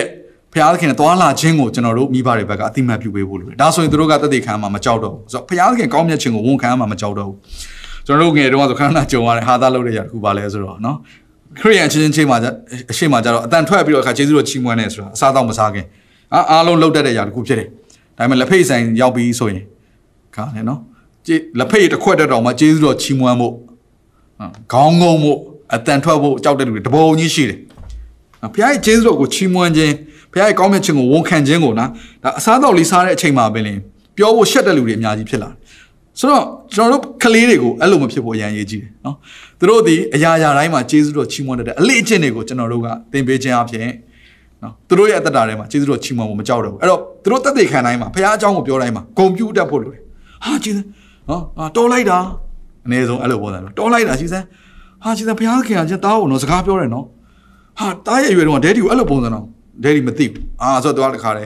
ဟာငါ့ကိုဘုရားခင်ကနော်ငါငါအဖေထက်ပို့ပြီးတော့ရင်းနေနေဆက်ဆံနေဆိုတော့အဲ့ဒီသူတို့ရဲ့စိတ်ချမှုတွေရသွားတဲ့အခါမှာအော်သူတို့ဘုရားကိုအရန်ဖတ်တွယ်သွားတာငငယ်လေးတွေကဖြစ်တဲ့ຢာတစ်ခုဖြစ်တယ်နောက်တစ်ခုကျွန်တော်တခါလေးပြောချင်တယ်နော်ကလေးငယ်တွေကိုကျွန်တော်က short တွက်တတ်တယ်ကျွန်တော်ပြောပြမယ်ကလေးတွေဟာအမိဝမ်းထဲမှာရှိစဉ်ကပဲအကုန်လုံးသိယူပြီးသားဖြစ်တယ် အဲ့တော့เนาะတကယ်အံ့ဩစရာဖြစ်တယ်ဖခင်ရဲ့နီလန်းတစ်ခုလည်းဖြစ်တယ်အဲ့တော့ဗတိဆန်ဆရာယောဟန်မိခင်ဝမ်းပိုက်ထဲမှာရှိတဲ့အချိန်မှာတဲ့တန်ရှင်းသောဝိညာဉ်တော်နဲ့ပြည့်သွားတယ်ဟာအံ့ဩစရာပဲကျွန်တော်တို့အာနော်အခုကျမ်းစာလေးလာတဲ့ခါကျတော့ယေရှုခရစ်တော်ယုံကြည်လက်ခံပြီးတော့မှဝိညာဉ်တော်ကိုလက်ခံပြီးတော့တန်ရှင်းသောဝိညာဉ်တော်နဲ့ပြည့်တယ်ဆိုတာတော်တော်ကြီးကြီးကြီးမားတဲ့အရာတစ်ခုဖြစ်တယ်လေကျွန်တော်တို့အတွက်ဒါပေမဲ့ကျမ်းစာထဲမှာဘယ်လိုမှတ်တမ်းတင်ထားလဲဗဒိတ်ဆန်ဆရာယောဟန်ဟာအမိဝမ်းထဲမှာရှိတဲ့ချိန်မှာပဲတန်ရှင်းသောဝိညာဉ်တော်နဲ့ပြည့်သွားတယ်။တင်းရဲ့ကလေးငယ်သည်ငယ်သောအရွယ်ကစပြီးတော့တင်း လန်လန်းမမီနိုင်တဲ့တင်းမင်းတင်းမင်းနားလေကိုခတ်နိုင်တဲ့ဝိညာဉ်ပိုင်းဆိုင်ရာဖျားသခင်နဲ့ယဉ်ကျေးဆက်သွယ်ခြင်းကိုသွားလို့ရတယ်ကျွန်တော်ပြောမယ်နတ်ဆိုးတွေဝိညာဉ်ဆိုးတွေကတော့မအိမ်မက်ဆိုးတွေနဲ့ကိုယ့်ရဲ့သားသမီးတွေချို့သောသူတွေဒီအတွေ့အကြုံရှိလိမ့်မယ်နော်ဆီယာမဆူဆန်ကျွန်တော်ရဲ့ဇနီးတဲ့ဆိုငငယ်လေးတွေကနတ်ဆိုးဝိညာဉ်ဆိုးရဲ့အကြီးကျယ်နှောက်ယှက်ခြင်းအခါခါလေနော်ခံရတယ်နှောက်ယှက်ဆိုတဲ့အခါမှာနော်သူကောင်းမွန်စွာအိတ်အိတ်မပျော်ဘူးနောက်တစ်ခုကတခါလေဆိုတော့သူသူ့ကိုဒီယူပါယုံလို့ပြောလို့ရတယ်နော်နတ်ဆိုးပေးတဲ့ယူပါယုံပေါ့နော်နတ်ဆိုးပေးတဲ့ အိမ်မက်တွေမြင်ကွင်းတွေစကားတန်တွေညွှန်ကြားချက်တွေကြားပြီးတော့ခါသူငယ်ရွယ်တဲ့အချိန်မှာအဲ့ဒါတွေလိုက်လုပ်တဲ့ခါမှာအဲ့သူလောက်ခိုင်းတဲ့အတိုင်းဖြစ်တဲ့အရာတွေအများကြီးရှိတယ်စသဖြင့်ပေါ့အာဆိုအကြီးကျယ်လှုပ်ဆောင်နောက်ဆုံးမှမိဘတွေဟာဒါနတ်ဆိုးရဲ့အလုပ်ပဲဆိုတော့တည်သွားတဲ့ခါမှာတခါနတ်ဆိုးကိုတခါတဲ့နော်ချီနောင်ပြီးတော့တခါတဲ့မောင်းထုတ်တဲ့ခါကျတော့နတ်ဆိုးရဲ့ချုံနောင်ကြီးကနော်ကျွန်တော်ရဲ့ဇနီးတွေကတခါလွတ်မြောက်လွတ်မြောက်ပြီးတော့နော်တရှင်တော်ဝိညာဉ်တော်နဲ့တခါပြေဝပြီးတော့အခုဘုရားသခင်ရဲ့ အမှုတော်မြတ်ထမှာပါဝင်ရတဲ့အခွင့်ကိုရတယ်ဆိုတော့နတ်ဆိုးများပင်လင်ကလေးငယ်များကိုငယ်သောအရွယ်ကကဲနော်မွေးလာကလေးကလာသားအရွယ်တွေကထိမ့်ချုပ်ပြီးတော့လွှမ်းမိုးတဲ့အနေထားရှိနိုင်တယ်ဆိုရင်တန်ရှင်သောဝိညာဉ်တော်ကဘာကြောင့်မလုပ်နိုင်ရမှာလဲဘာကြောင့်တင့်ရသားသမီးကိုတန်ရှင်သောဝိညာဉ်တော်လက်တော်တွေကိုအပ်ပြီးတော့ဝိညာဉ်တော်နဲ့ဖြည့်ခြင်းဝိညာဉ်တော်နဲ့ပြည့်ခြင်းဝိညာဉ်တော်ရဲ့စုကျေးဇူးငယ်စဉ်အရွယ်တွေကရရရတယ်ဘာကြောင့်မဖြစ်နိုင်ရမှာလဲနော်ကျွန်တော်ရဲ့ရောက်ပါဘူးနော်ကျွန်တော်ဇနီးတဲ့အကိုဆိုရင်နော်သူကသူ့ရဲ့ သူအခြားသောဘာသာစကားเนาะဒီဝိညာဉ်စုကျေးဇူးတစ်ခုပြအခြားသောဘာသာစကားကိုဘယ်လိုပုံစံနဲ့ရလဲသိလားခလေးတွေစော့ရင်းနဲ့သူတို့ငငယ်လေးเนาะဟိုကြောက်တိုးပြစ်နေတဲ့အချိန်မှာအဲ့လိုကြောက်တိုးပြစ်တာစော့ရင်းနဲ့ပါဇက်ကတခါတည်းလုံးဝနားမလည်တဲ့စကလုံးအထူးဆန်းနဲ့အကုန်လုံးသူပြောချင်တာတော့ခြားစကားတစ်ခုဖြစ်မှာပေါ့နော်သူကစားတဲ့အချိန်မှာဒါပေမဲ့ထွက်လာဟာအိမ်ပြန်ပြေးလာပြီးတော့တခါတည်းဒီအဲ့တော့ဘာတွေထွက်လာလဲမသိဘူးပါဇက်ကနေဆိုပြီးတော့တခါတည်းမိဘတွေစီမှာပြန်မေးရတယ်ဆိုတော့ကလင်းငယ်တွေသွားပြီးတော့ကျွန်တော်တို့က short တွက်လို့မရဘူးနော်သူတို့ အခုဆိုတော့ကျွန်တော်ကျမ်းစာဖတ်ခဲ့သလိုပဲယေရှုခရစ်တော်ကတကယ်သူတို့ကိုလက်တင်ကောင်းကြီးပေးပြီးတော့တခါလေကလေးငယ်တွေလိုခံယူဖို့လို့ပြောတဲ့အခါမှာသူတို့စီကသူတို့သူတို့စီကကျွန်တော်သိယူစရာတွေအများကြီးရှိတယ်ဒီကလေးငယ်တွေကဘလောက်ပဲငယ်ငယ်ဘုရားရှင်အလိလာတွေကိုငယ်သောအရွယ်ကလေးကနားလည်နိုင်တယ်ဆိုတာကျွန်တော်တို့မှာသက်သေတွေအများကြီးရှိတယ်ဒါကြောင့်မလို့တော့တင်ကလေးကိုရှော့မတွက်ပါနဲ့ကျွန်တော်ရဲ့သားအကြီးဆိုရင်အသက်နာ၄နှစ်အရွယ်မူဂျိုသွားနေတဲ့အချိန်မှာ ပြတဲ့ယူပါယုံနေနဲ့ဘုရားသခင်ကယေရှုခရစ်တော်သူ့ကိုစပြီးတော့ contact နော်စပြီးတော့ connection လုပ်တာဖြစ်တယ်ဆိုတော့နော်နော်သူ့ရဲ့တရားတွေမှာအိမ်မက်တွေအဖြစ်တော့လကောင်းစားပြီးအများကြီးပေါ့နော်သူကလှုပ်လှုပ်တဲ့ຢာရှိတယ်ဒီလိုပဲကျန်တဲ့ကျွန်တော်ကလေးနှစ်ယောက်မှာလည်းဘုရားရှင် encounter ဖြစ်တဲ့ຢာတွေအများကြီးရှိတယ်အဲ့တော့ကျွန်တော်တို့ကမိသားစုကဘုရားရှင်နဲ့အတူသွားခြင်းဆိုတဲ့အရာကိုသွားနေတဲ့ခါမှာဒီတက်သေးတွေကဒီဒီကျွန်တော်တို့အသက်ရှင်မှုတွေကပေါ်ထွက်နေတာဖြစ်တယ်အဲ့တော့တင်းရဲ့မိသားစုမှာလည်းဘုရားသခင်ကငါဟမင်းနဲ့အတူသွားနေတယ်မင်းကငါဂယူးဆိုင်တယ်မင်းကငါချစ်တယ်ဆိုတဲ့အဲ့ဒီတက်သေးတွေကိုတင်းရဲ့မိသားစုတွေကနေ ပေါ်ထွက်စေခြင်းနဲ့ဘုရားဖြစ်တယ်ကဲနံပါတ်5အချက်ကတော့နော်ပြဿနာတစ်ခုကိုအတူဖြေရှင်းမှာဒါကတော့နော်အပြင်မှာရှိတဲ့မိဘတွေကို guide လုပ်တဲ့အရာတွေအပြင်ကျွန်တော်တွေ့ကောင်းတွေ့ရတယ်ဒါပေမဲ့ဝิญဉ်ပိုင်းဆိုင်ရာရကျွန်တော်အဲဒီဟာလေးကိုတွင်တင်ပေးခြင်းအဲ့ဒါဘာလဲဆိုတော့ဒီပြဿနာတစ်ခုကိုဘုရားသခင်အနေနဲ့ဘယ်လိုဖြေရှင်းမှထင်လဲဆိုတော့မေကွန်းကိုကလေးတွေကိုမေးကြည့်ပါနော်အတိတ်ပဲပါလဲကဲဘုရားသခင်သာဒီနေရာမှာဆိုရင်ဘာလုပ်မှထင်လဲ ဆိုတော့အတိတ်ပဲပါလေပြဿနာကိုဖြေရှင်းတာပဲဒါပေမဲ့ဘယ်သူနဲ့တူဖြေရှင်းလဲမိဘနဲ့သားသမီးနဲ့အဖေနဲ့သားနဲ့တူဖြေရှင်းတယ်အဖေနဲ့သမီးနဲ့တူဖြေရှင်းတယ်ဒါပေမဲ့ဒီပြဿနာထဲမှာဘယ်သူကိုဖိတ်ခေါ်လိုက်လဲဘုရားသခင်ကိုဖိတ်ခေါ်လိုက်တယ်ဘုရားသခင်ဆိုရင်ဘုရားသခင်သာဆိုရင်ဘယ်လိုတုံ့ပြန်မလဲဘုရားသခင်သာဆိုရင်ဒါဘုရားသခင်ကဒီလိုပြင်ဆင်ထားတာမဖြစ်နိုင်ဘူးလားဆိုတဲ့အရာမျိုးတွေဆိုတော့အာဒီလိုမျိုး open type ပေါ့နော်ကျွန်တော်တို့ဒီပြဿနာတွေကိုဖြေရှင်းတဲ့အခါမှာဟာအရင်စိတ်လှုပ်ရှားစရာကောင်းတယ်ကိုမမြင်နိုင်တဲ့ revelation တွေကိုမသိတဲ့เนาะဒီပြဿနာတွေကနေပေါ်လာတဲ့အာ ဖျားရှင်ဖွင့်ပြချက်တုံသင်ချက်တွေဟာတခါတည်းမှာကျွန်တော်သားစီကနေထွက်လာတယ်နော်ကျွန်တော်အဲ့လိုတော့မစင်စားဘူးဒါ तू က तू မြင်တဲ့ပုံစံတစ်မျိုးဟာတခါတည်းမှာကျမ်းစာကျမ်းစာဖတ်လိုက်တယ်သူ့ကိုဖျားဖွင့်ပြ revelation ကတစ်မျိုးအာတကယ်ဟာသူ့မေဆိုရင်ပေါ့နော်ကျွန်တော်တို့မိသားစုဖျားရှိခိုးတဲ့ခါတိုင်းမှာဆိုကျမ်းစာဖတ်ရတယ်ပြီးတော့သူတို့ကျမ်းစာကို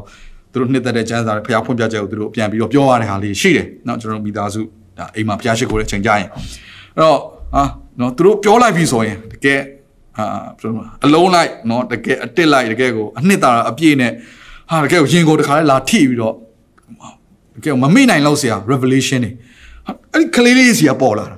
ဟာကျွန်တော်တို့ဒီကျမ်းစာဖတ်နေတာပဲဒါပေမဲ့ကျွန်တော်တို့အဲ့လိုမမြင်ဘူးဒါပေမဲ့သူတို့အဲ့လိုမြင်တယ်ဟာဖတ်ကြည့်လိုက်တော့ပြန်ပြီးကြည့်တော့ဟုတ်သားပဲဆိုတော့အာဒီကလေးတွေကနော်ဘုရားခင်ဖွင့်ပြခြင်းကိုဟိုတကယ်ကိုရှင်းရှင်းလင်းလင်းနဲ့ကြားနိုင်ရအရာဖြစ်တော့ကြောင့်မလို့အိမ်မှာမိသားစုအိမ်မှာအိမ်တိုင်းအိမ်မှာပြဿနာတစ်စုံတစ်ခုရှိတယ်ဆိုရင်ချို့သောပြဿနာတွေကိုကလေးငယ်တွေနဲ့အတူဖြေရှင်းကြည့်ပါသူတို့ဟာ မတင်မထမတ်ထားတဲ့ရင့်ကျက်ခြင်းစီကိုအလင်းမြန်တက်လန်းလာတယ်ဖြစ်လာလိမ့်မယ်ဆိုတော့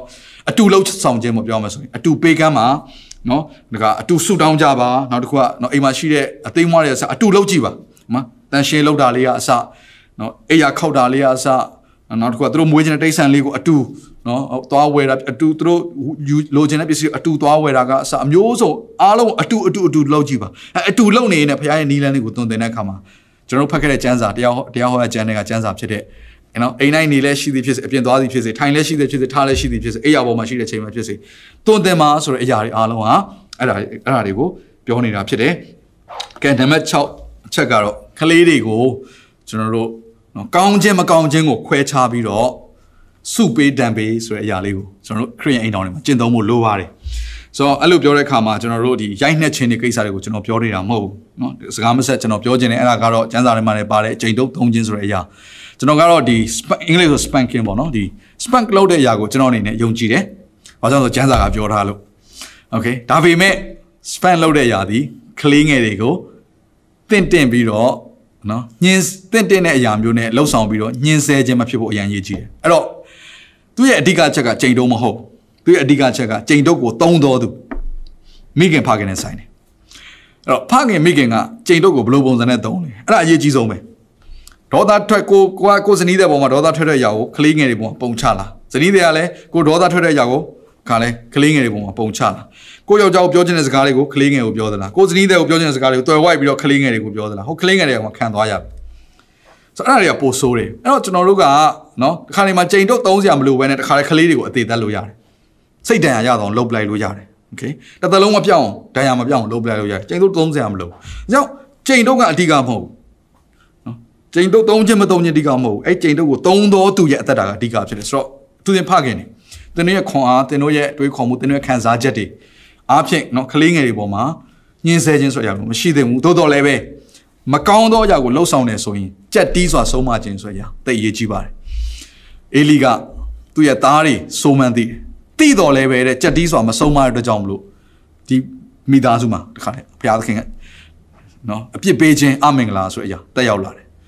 နော်ဆိုတော့ကြိမ်ချင်းအမင်္ဂလာရောက်လာတယ်ဘုရားရှင်ဘုံတော်ဣသရေလလူမျိုးကခွာသွားတယ်မိသားစုကခွာသွားတယ်အဲ့ဒီယေဘရဟိအနွယ်ကနေခွာသွားတယ်အေလိသူ့ရဲ့သားအကုန်လုံးမျိုးဆက်ပြတ်သွားတယ်ဘာကြောင့်လဲတိလားဆိုတိတယ်ငယ်တည်းကတိတယ်လေဒါပေမဲ့ကြက်တီးစွာမဆုံးမခဲ့ကြောင်မသွန်သင်ခဲ့ကြောင်ကျန်းစာအဲ့လိုပဲမှတ်တမ်းတင်ထားတယ် ဓမ္မရာဆိုပထမဆုံးအခန်းကြီး3မှာဖတ်ကြည့်လိုက်တိရသားနဲ့မဆုံးမအောင်အဲ့တော့ကျွန်တော်တို့ကတိရသားနဲ့မကောင်းတဲ့ຢာတွေဖြစ်တယ်ဆိုရင်ကျွန်တော်တို့ကဆုံးမရမယ်ဆုံးမပုံနီးလဲမျိုးမျိုးရှိတယ်ကျွန်တော်တို့300မလို့နီးလန်းနေရှိတယ်3ရမယ့်အချိန်လိုအပ်ရင်လည်းကျွန်တော်တို့ကသုံးရမှာပဲဒါပေမဲ့ဆောဆောပြောတဲ့မေတ္တာအားဖြင့်နော်ခွင့်လွှတ်ခြင်းအားဖြင့်အဲ့တော့ကျွန်တော်ကတော့မြန်မာနိုင်ငံမှာလည်းဖြစ်တဲ့ကြောင်းမလို့เนาะအမေရိကတို့ဩစတြေးလျတို့မှာဖြစ်တဲ့ကြောင်းမလို့เนาะကျွန်တော်ကကြိတ်တော့သုံးခွင့်ရှိတယ် အခုကျွန်တော်ရောက်ခဲ့တဲ့နိုင်ငံတွေကတော့ human right တွေတိတ်များတဲ့ခါကျတော့ကလေးကိုရိုက်လို့နော်ကလေးကမတိုင်နိုင်ဘူးဆိုတော့မှတယောက်ကဘေးအိမ်ကကြားလို့ကောက်တိုင်ရင်တော့မှသူဒုက္ခရောက်တဲ့အနေအထားမျိုးရှိတယ်။အဲဒါဥပဒေရကလေးတွေကိုညှဉ်းပန်းနှိပ်စက်မှုဖြစ်အောင်ကာကွယ်ပေးထားတာဒါလည်းကာကွယ်ပေးသင့်ပါတယ်။သို့တော်လည်းပဲသို့တော်လည်းပဲကျွန်တော်ကဆော့ဆော့ပြဆုံးမခြင်းဆိုတဲ့အရာကိုကျွန်တော်ယုံကြည်တယ်။ဘာကြောင့်လဲဖခင်ကပြောဆုံးမပါကလေးငယ်တွေကိုတရားလမ်းနဲ့ထွက်မတော်ဘူးဆုံးမပါ။မှားတယ်ဆိုရင်ကြက်ကြက်တီတီကြက်ကြက်တီတီလို့ပြောတဲ့အခါမှာ seriously ကိုပြောနေတာတကယ်ကိုဒါကိုပေါ့ပေါ့တန်သွားသဘောမထားနဲ့အာအချိန်တန်ဒါလေးကအဆင်ပြေသွားမှာမသွားမထင်နဲ့။သေးမွားတဲ့အရာလေးတွေတနေ့ကျရင်အကြီးဖြစ်လာလိမ့်မယ်။ဒါကြောင့်မို့ကျွန်တော်တို့ကအဲ့တော့စုပေးတံပေးလို့ပြောတဲ့အခါမှာသူတို့သူတို့မှာချီးမြှောက်ရရှင်ချီးမြှောက်ဖို့လိုတယ်စုပေးဖို့လိုတယ်ကောင်းကြီးပေးဖို့လိုတယ်သူတို့ဂုံပြုတ်ဖို့လိုတယ်ဒါပေမဲ့တပြိုင်တည်းထဲမှာမှားတဲ့အရာလုပ်ရင်လည်း consequences သူ့ရဲ့စိုးကျိုးတွေကဒါတွေရှိတယ်ဆိုတဲ့အကြောင်းသူခံစားသွားဖို့လိုတယ်သိဖို့လိုတယ်အဲ့ဒါမှဩငါဟာဒီလမ်းကိုမရွေးရအောင်ဒီလမ်းကိုပဲရွေးရမယ် ဩဒါကငြိမ်သက်ခြင်းနဲ့ရှင်ဒါကဝမ်းမြောက်ခြင်းနဲ့ရှင်ဒါကငိုကြွေးခြင်းနဲ့ရှင်တယ်ဒါဟာအမင်္ဂလာနဲ့ဆိုင်တယ်ဆိုတဲ့အကြောင်းသူကကောင်းကောင်းငငယ်ကလေးကသူ့အထက်မှာမျိုးစေ့ကြသွားမှာကြီးမှသွားတင်လို့မရတော့နားမထောင်တော့โอเคသင်ထပ်ပို့ပြီးတော့တင်နိုင်တဲ့လူတွေကသူတို့ဘေးနားမှာအများကြီးရှိသွားပြီတကယ်ချင်းနဲ့စီကတင်တော့မယ် screen တွေကတင်တော့မယ် online ကအခုဆိုအများကြီးတင်တော့မယ်သူတို့ကြောင်းမှာအချိန်တွေအများကြီးပေးပြီးတင်တော့မယ်ကြောင့်တင်တင်လို့ရတဲ့အရွယ်မှာကြက်ကြက်တီးတီးမကောင်းသောຢာကိုမကောင်းတဲ့မကောင်းမှုဆိုတာကိုသိအောင်ကျွန်တော်တို့ရှင်းရှင်းလင်းလုပ်ဖို့လိုတယ်အဲ့တော့တစ်ပေခန်းကြီးနဲ့ငယ်73ကနေ74မှာ ဘုရားသခင်မျက်နာတော်ကိုထောက်လျက်အထွတ်မြတ်ဒီဟုသောရှင်ဘုရင်ဖြစ်စေလူဆိုးတို့ကိုဒဏ်စီရင်စေခြင်းက၎င်းလူကောင်းတို့ကိုချီးမွမ်းစေခြင်းက၎င်းရှင်ဘုရင်ခန့်ထားသောဝန်မင်းဖြစ်စေလူတို့တွင်စီရင်ခန့်ထားသမျှသောမင်းဤအုပ်ဆိုးခြင်းကိုဝန်ခံကြလော့အာဖခင်ကဘုရားခင်ကိုကိုစားပြုပြီးတော့ရှင်ဘုရင်တယောက်အနေနဲ့အိမ်မှာအုပ်ဆိုးရတော်သူဖြစ်တယ်ဒါဆိုရှင်ဘုရင်တယောက်ရဲ့အလုပ်တာဝန်ကကောင်းသောသူကိုချီးမြှောက်ဖို့ရန်နဲ့ဆိုးသောသူကိုတရားဒဏ်စီရင်ဖို့ရန်ဘုရားရှင်ခန့်ထားတာဖြစ်တယ် ဒါဆိုရင်အိမ်မှာလည်းဖခင်ကဒီຢာကို practice လုပ်ဖို့လိုတယ်နော်အဲ့တော့ဆိုးတဲ့ຢာဒဏ်ဒဏ်ခတ်တဲ့ຢာနော်ကောင်းတဲ့ຢာကဒါချီးမြှောက်တဲ့ຢာကိုကျွန်တော်လုပ်တတ်ဖို့လိုပါတယ်အာထမင်းစားစပွဲမှာပါပဲဖြစ်ဖြစ်မိသားစုတူဖျားရှိခိုးတဲ့အချိန်မှာပဲဖြစ်ဖြစ်ဖျားเจ้าမှာဖြစ်အပြင်သွားတဲ့အချိန်မှာဖြစ်ကျွန်တော်တို့အတူရှိတဲ့အချိန်တိုင်းမှာလုပ်တဲ့အရာတွေကသူတို့ကိုလက်ခံတယ်သူတို့ကိုတန်ဖိုးထားတယ်နောက်တစ်ခုကနော်သူတို့လုပ်တဲ့အရာလေးကောင်းတယ်ဆိုတဲ့အရာကိုကျွန်တော်တို့တကယ်ကိုချီးမြှောက်တဲ့စကားအဖြစ်ပြောတယ်ချို့အရာတွေဆိုရင်ဒါလက်ဆောင်အဖြစ် နော်သူတို့ကိုဂုဏ်ပြုတဲ့အရာတွေရှိတယ်နော်သူတို့ရဲ့ achievement ပေါ့သူတို့ရဲ့အကြောင်းမှာအောင်မြင်တဲ့အရာလေးရှိနိုင်တယ်သူတို့ကျမ်းပိုက်တစ်ပတ်အလို့ရတာလည်းဖြစ်နိုင်တယ်နော်အခုကျွန်တော်သားဆိုသူအားသူနော်တရားဟောပြီအဲဆိုရင်တရားဟောပြီးသွားရင်ဒါသူ့အတွက်ဆုလက်တစ်ခုကတော့ကျွန်တော်တို့ပြင်ပြင်ဆင်ရတာပဲအ ਨੇ ဆုံးတော့ကျွန်တော်တို့သူ့ကိုဒီနှုတ်ရှာပါဇက်နဲ့တကယ်အဖန်ပေါ့နော်ဒါကသူ့ကိုဂုံပြူတဲ့အရာမျိုးကျွန်တော်တို့လှုပ်လေးရှိတယ်ဆိုတော့ဒီຢာကသူတို့ကိုနောက်ထပ်တရားဟောချက်တစ်ပုဒ်ကို ဆက်ပြီးတော့ဟောဖို့ဖြစ်လာနောက်ထပ်သင်းတစ်ပုဒ်ကိုဆိုဖို့ဖြစ်လာတယ်နောက်ထပ်အဝေးကြီးကိုပြေးဖို့ရတဲ့သူတို့ဖြစ်လာတယ်အေဖက်ခန်းကြီး6ငယ်လေးမှာအဘတို့ကိုသားသမီးကိုစိတ်ဆိုးစေခြင်းကမပြုကြနဲ့သခင်ဖျား၏အလိုတော်နဲ့အညီညီသောဆုံးမတွင်တင်ခြင်းကိုပြုလျက်ကြွေးမွေးကြလော့နောက်ထပ်ကျမ်းပိုင်းတစ်ခုဒါကောလောသဲ3:27မှာလည်းဒီလိုပဲရေးပါတယ်အဘတို့ကိုသားသမီးကိုစိတ်ဆိုးစေခြင်းကမပြုကြနဲ့ထို့တို့ပြုလင်သူတို့သည်အာရော့စိတ်ပြတ်ခြင်းတို့ရောက်ကြလိမ့်မည်။တော့သူက consequences ဆိုတာတခါလေးပြောထားတယ်။ကိုကတွန်တင်လိုက်လို့သူတို့စိတ်ဆိုးသွားတယ်စိတ်ပြတ်သွားတယ်ဆိုရင်သူတို့ကအာရော့သွားလိမ့်မယ်။ သူတို့မှလှုပ်ချင်ကိုင်းစိတ်တိုးတက်ခြင်းစိတ်မရှိတော့ဒါကြောင့်နော်ဆိုတော့ကလေးတွေကို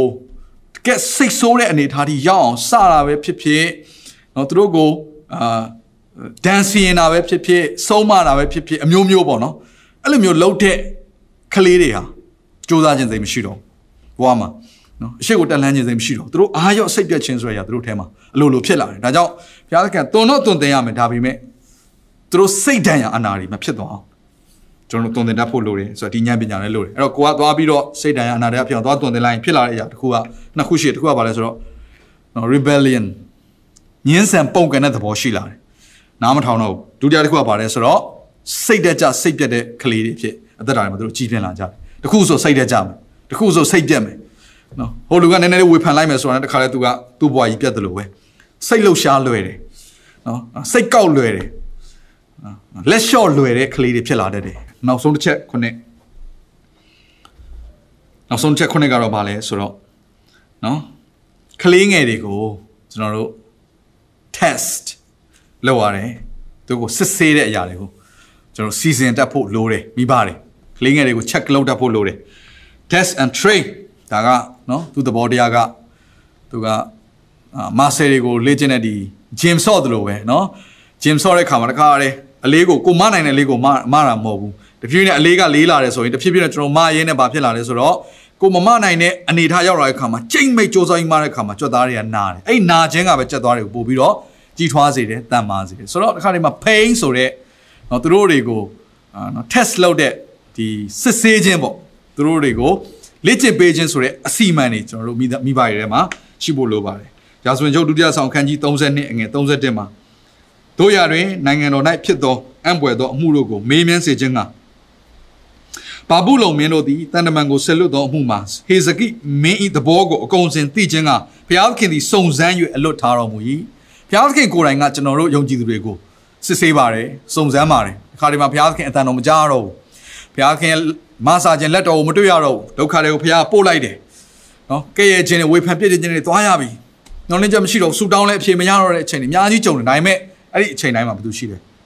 ဘုရားသခင်ရှိတယ်အဲ့တော့စစ်ဆေးတဲ့လေ့ကျင့်တဲ့ပုံစံတော့လုတ်တက်ဖို့လိုတယ် ဒါကတော့နော်ဘုရားသခင်စီကသင်ဉာဏ်ပညာတောင်းခံပါဘုရားသခင်နှလုံးသားဘုရားသခင်ကကိုယ့်ရဲ့ကလေးကိုမြင်တယ်လို့မြင်တတ်ပြီဆိုရင်တော့သင်တဲ့သူတို့ကိုဘုရားသခင်လေ့ကျင့်တယ်လို့လေ့ကျင့်သွားတတ်လိမ့်မယ်အဲ့တော့လေ့ကျင့်တဲ့အခါမှာ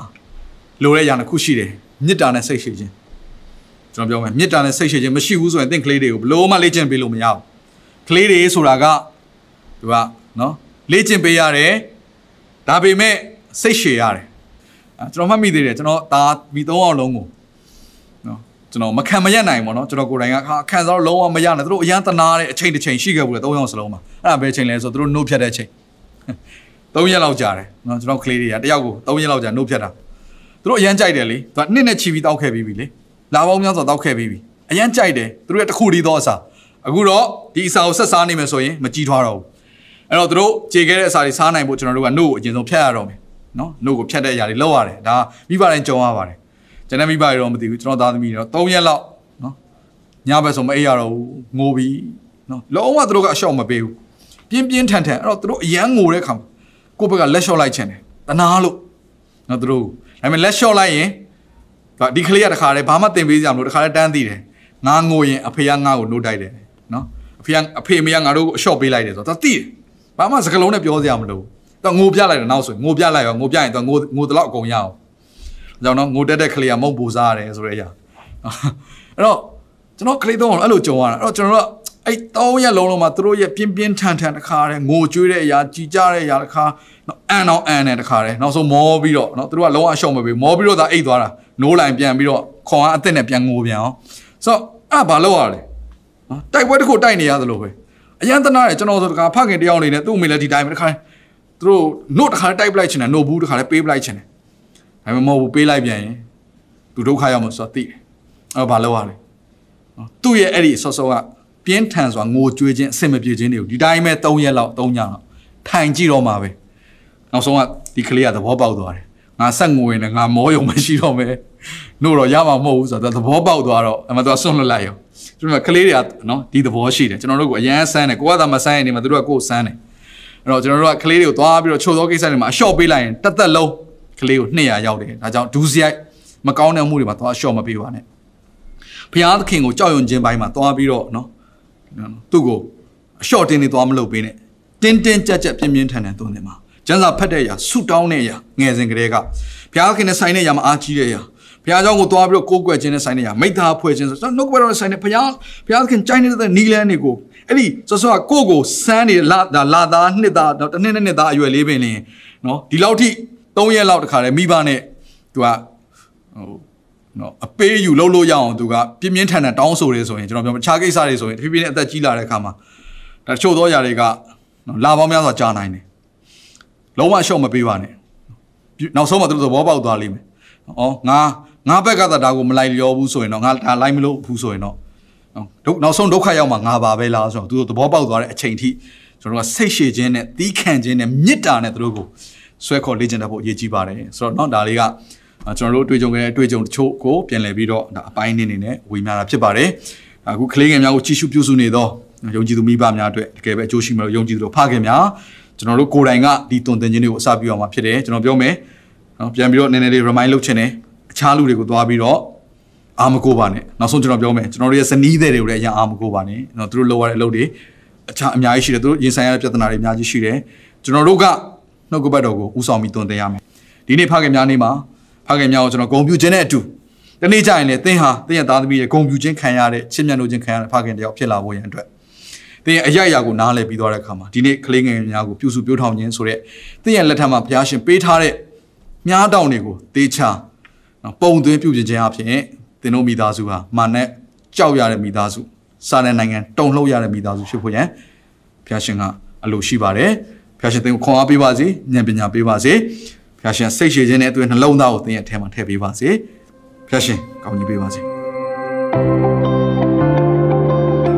ဒီအစီအစဉ်လေးအပြင်သင်ရဲ့အသက်တာမှာကောင်းကြီးဖြစ်မယ်ဆိုတာကိုကျွန်တော်ယုံကြည်ပါတယ်ဗီဒီယိုကြည့်ပြီးခံယူလို့သူများအတွက်အပတ်စဉ်တရားဟောခြင်းများ Bible Study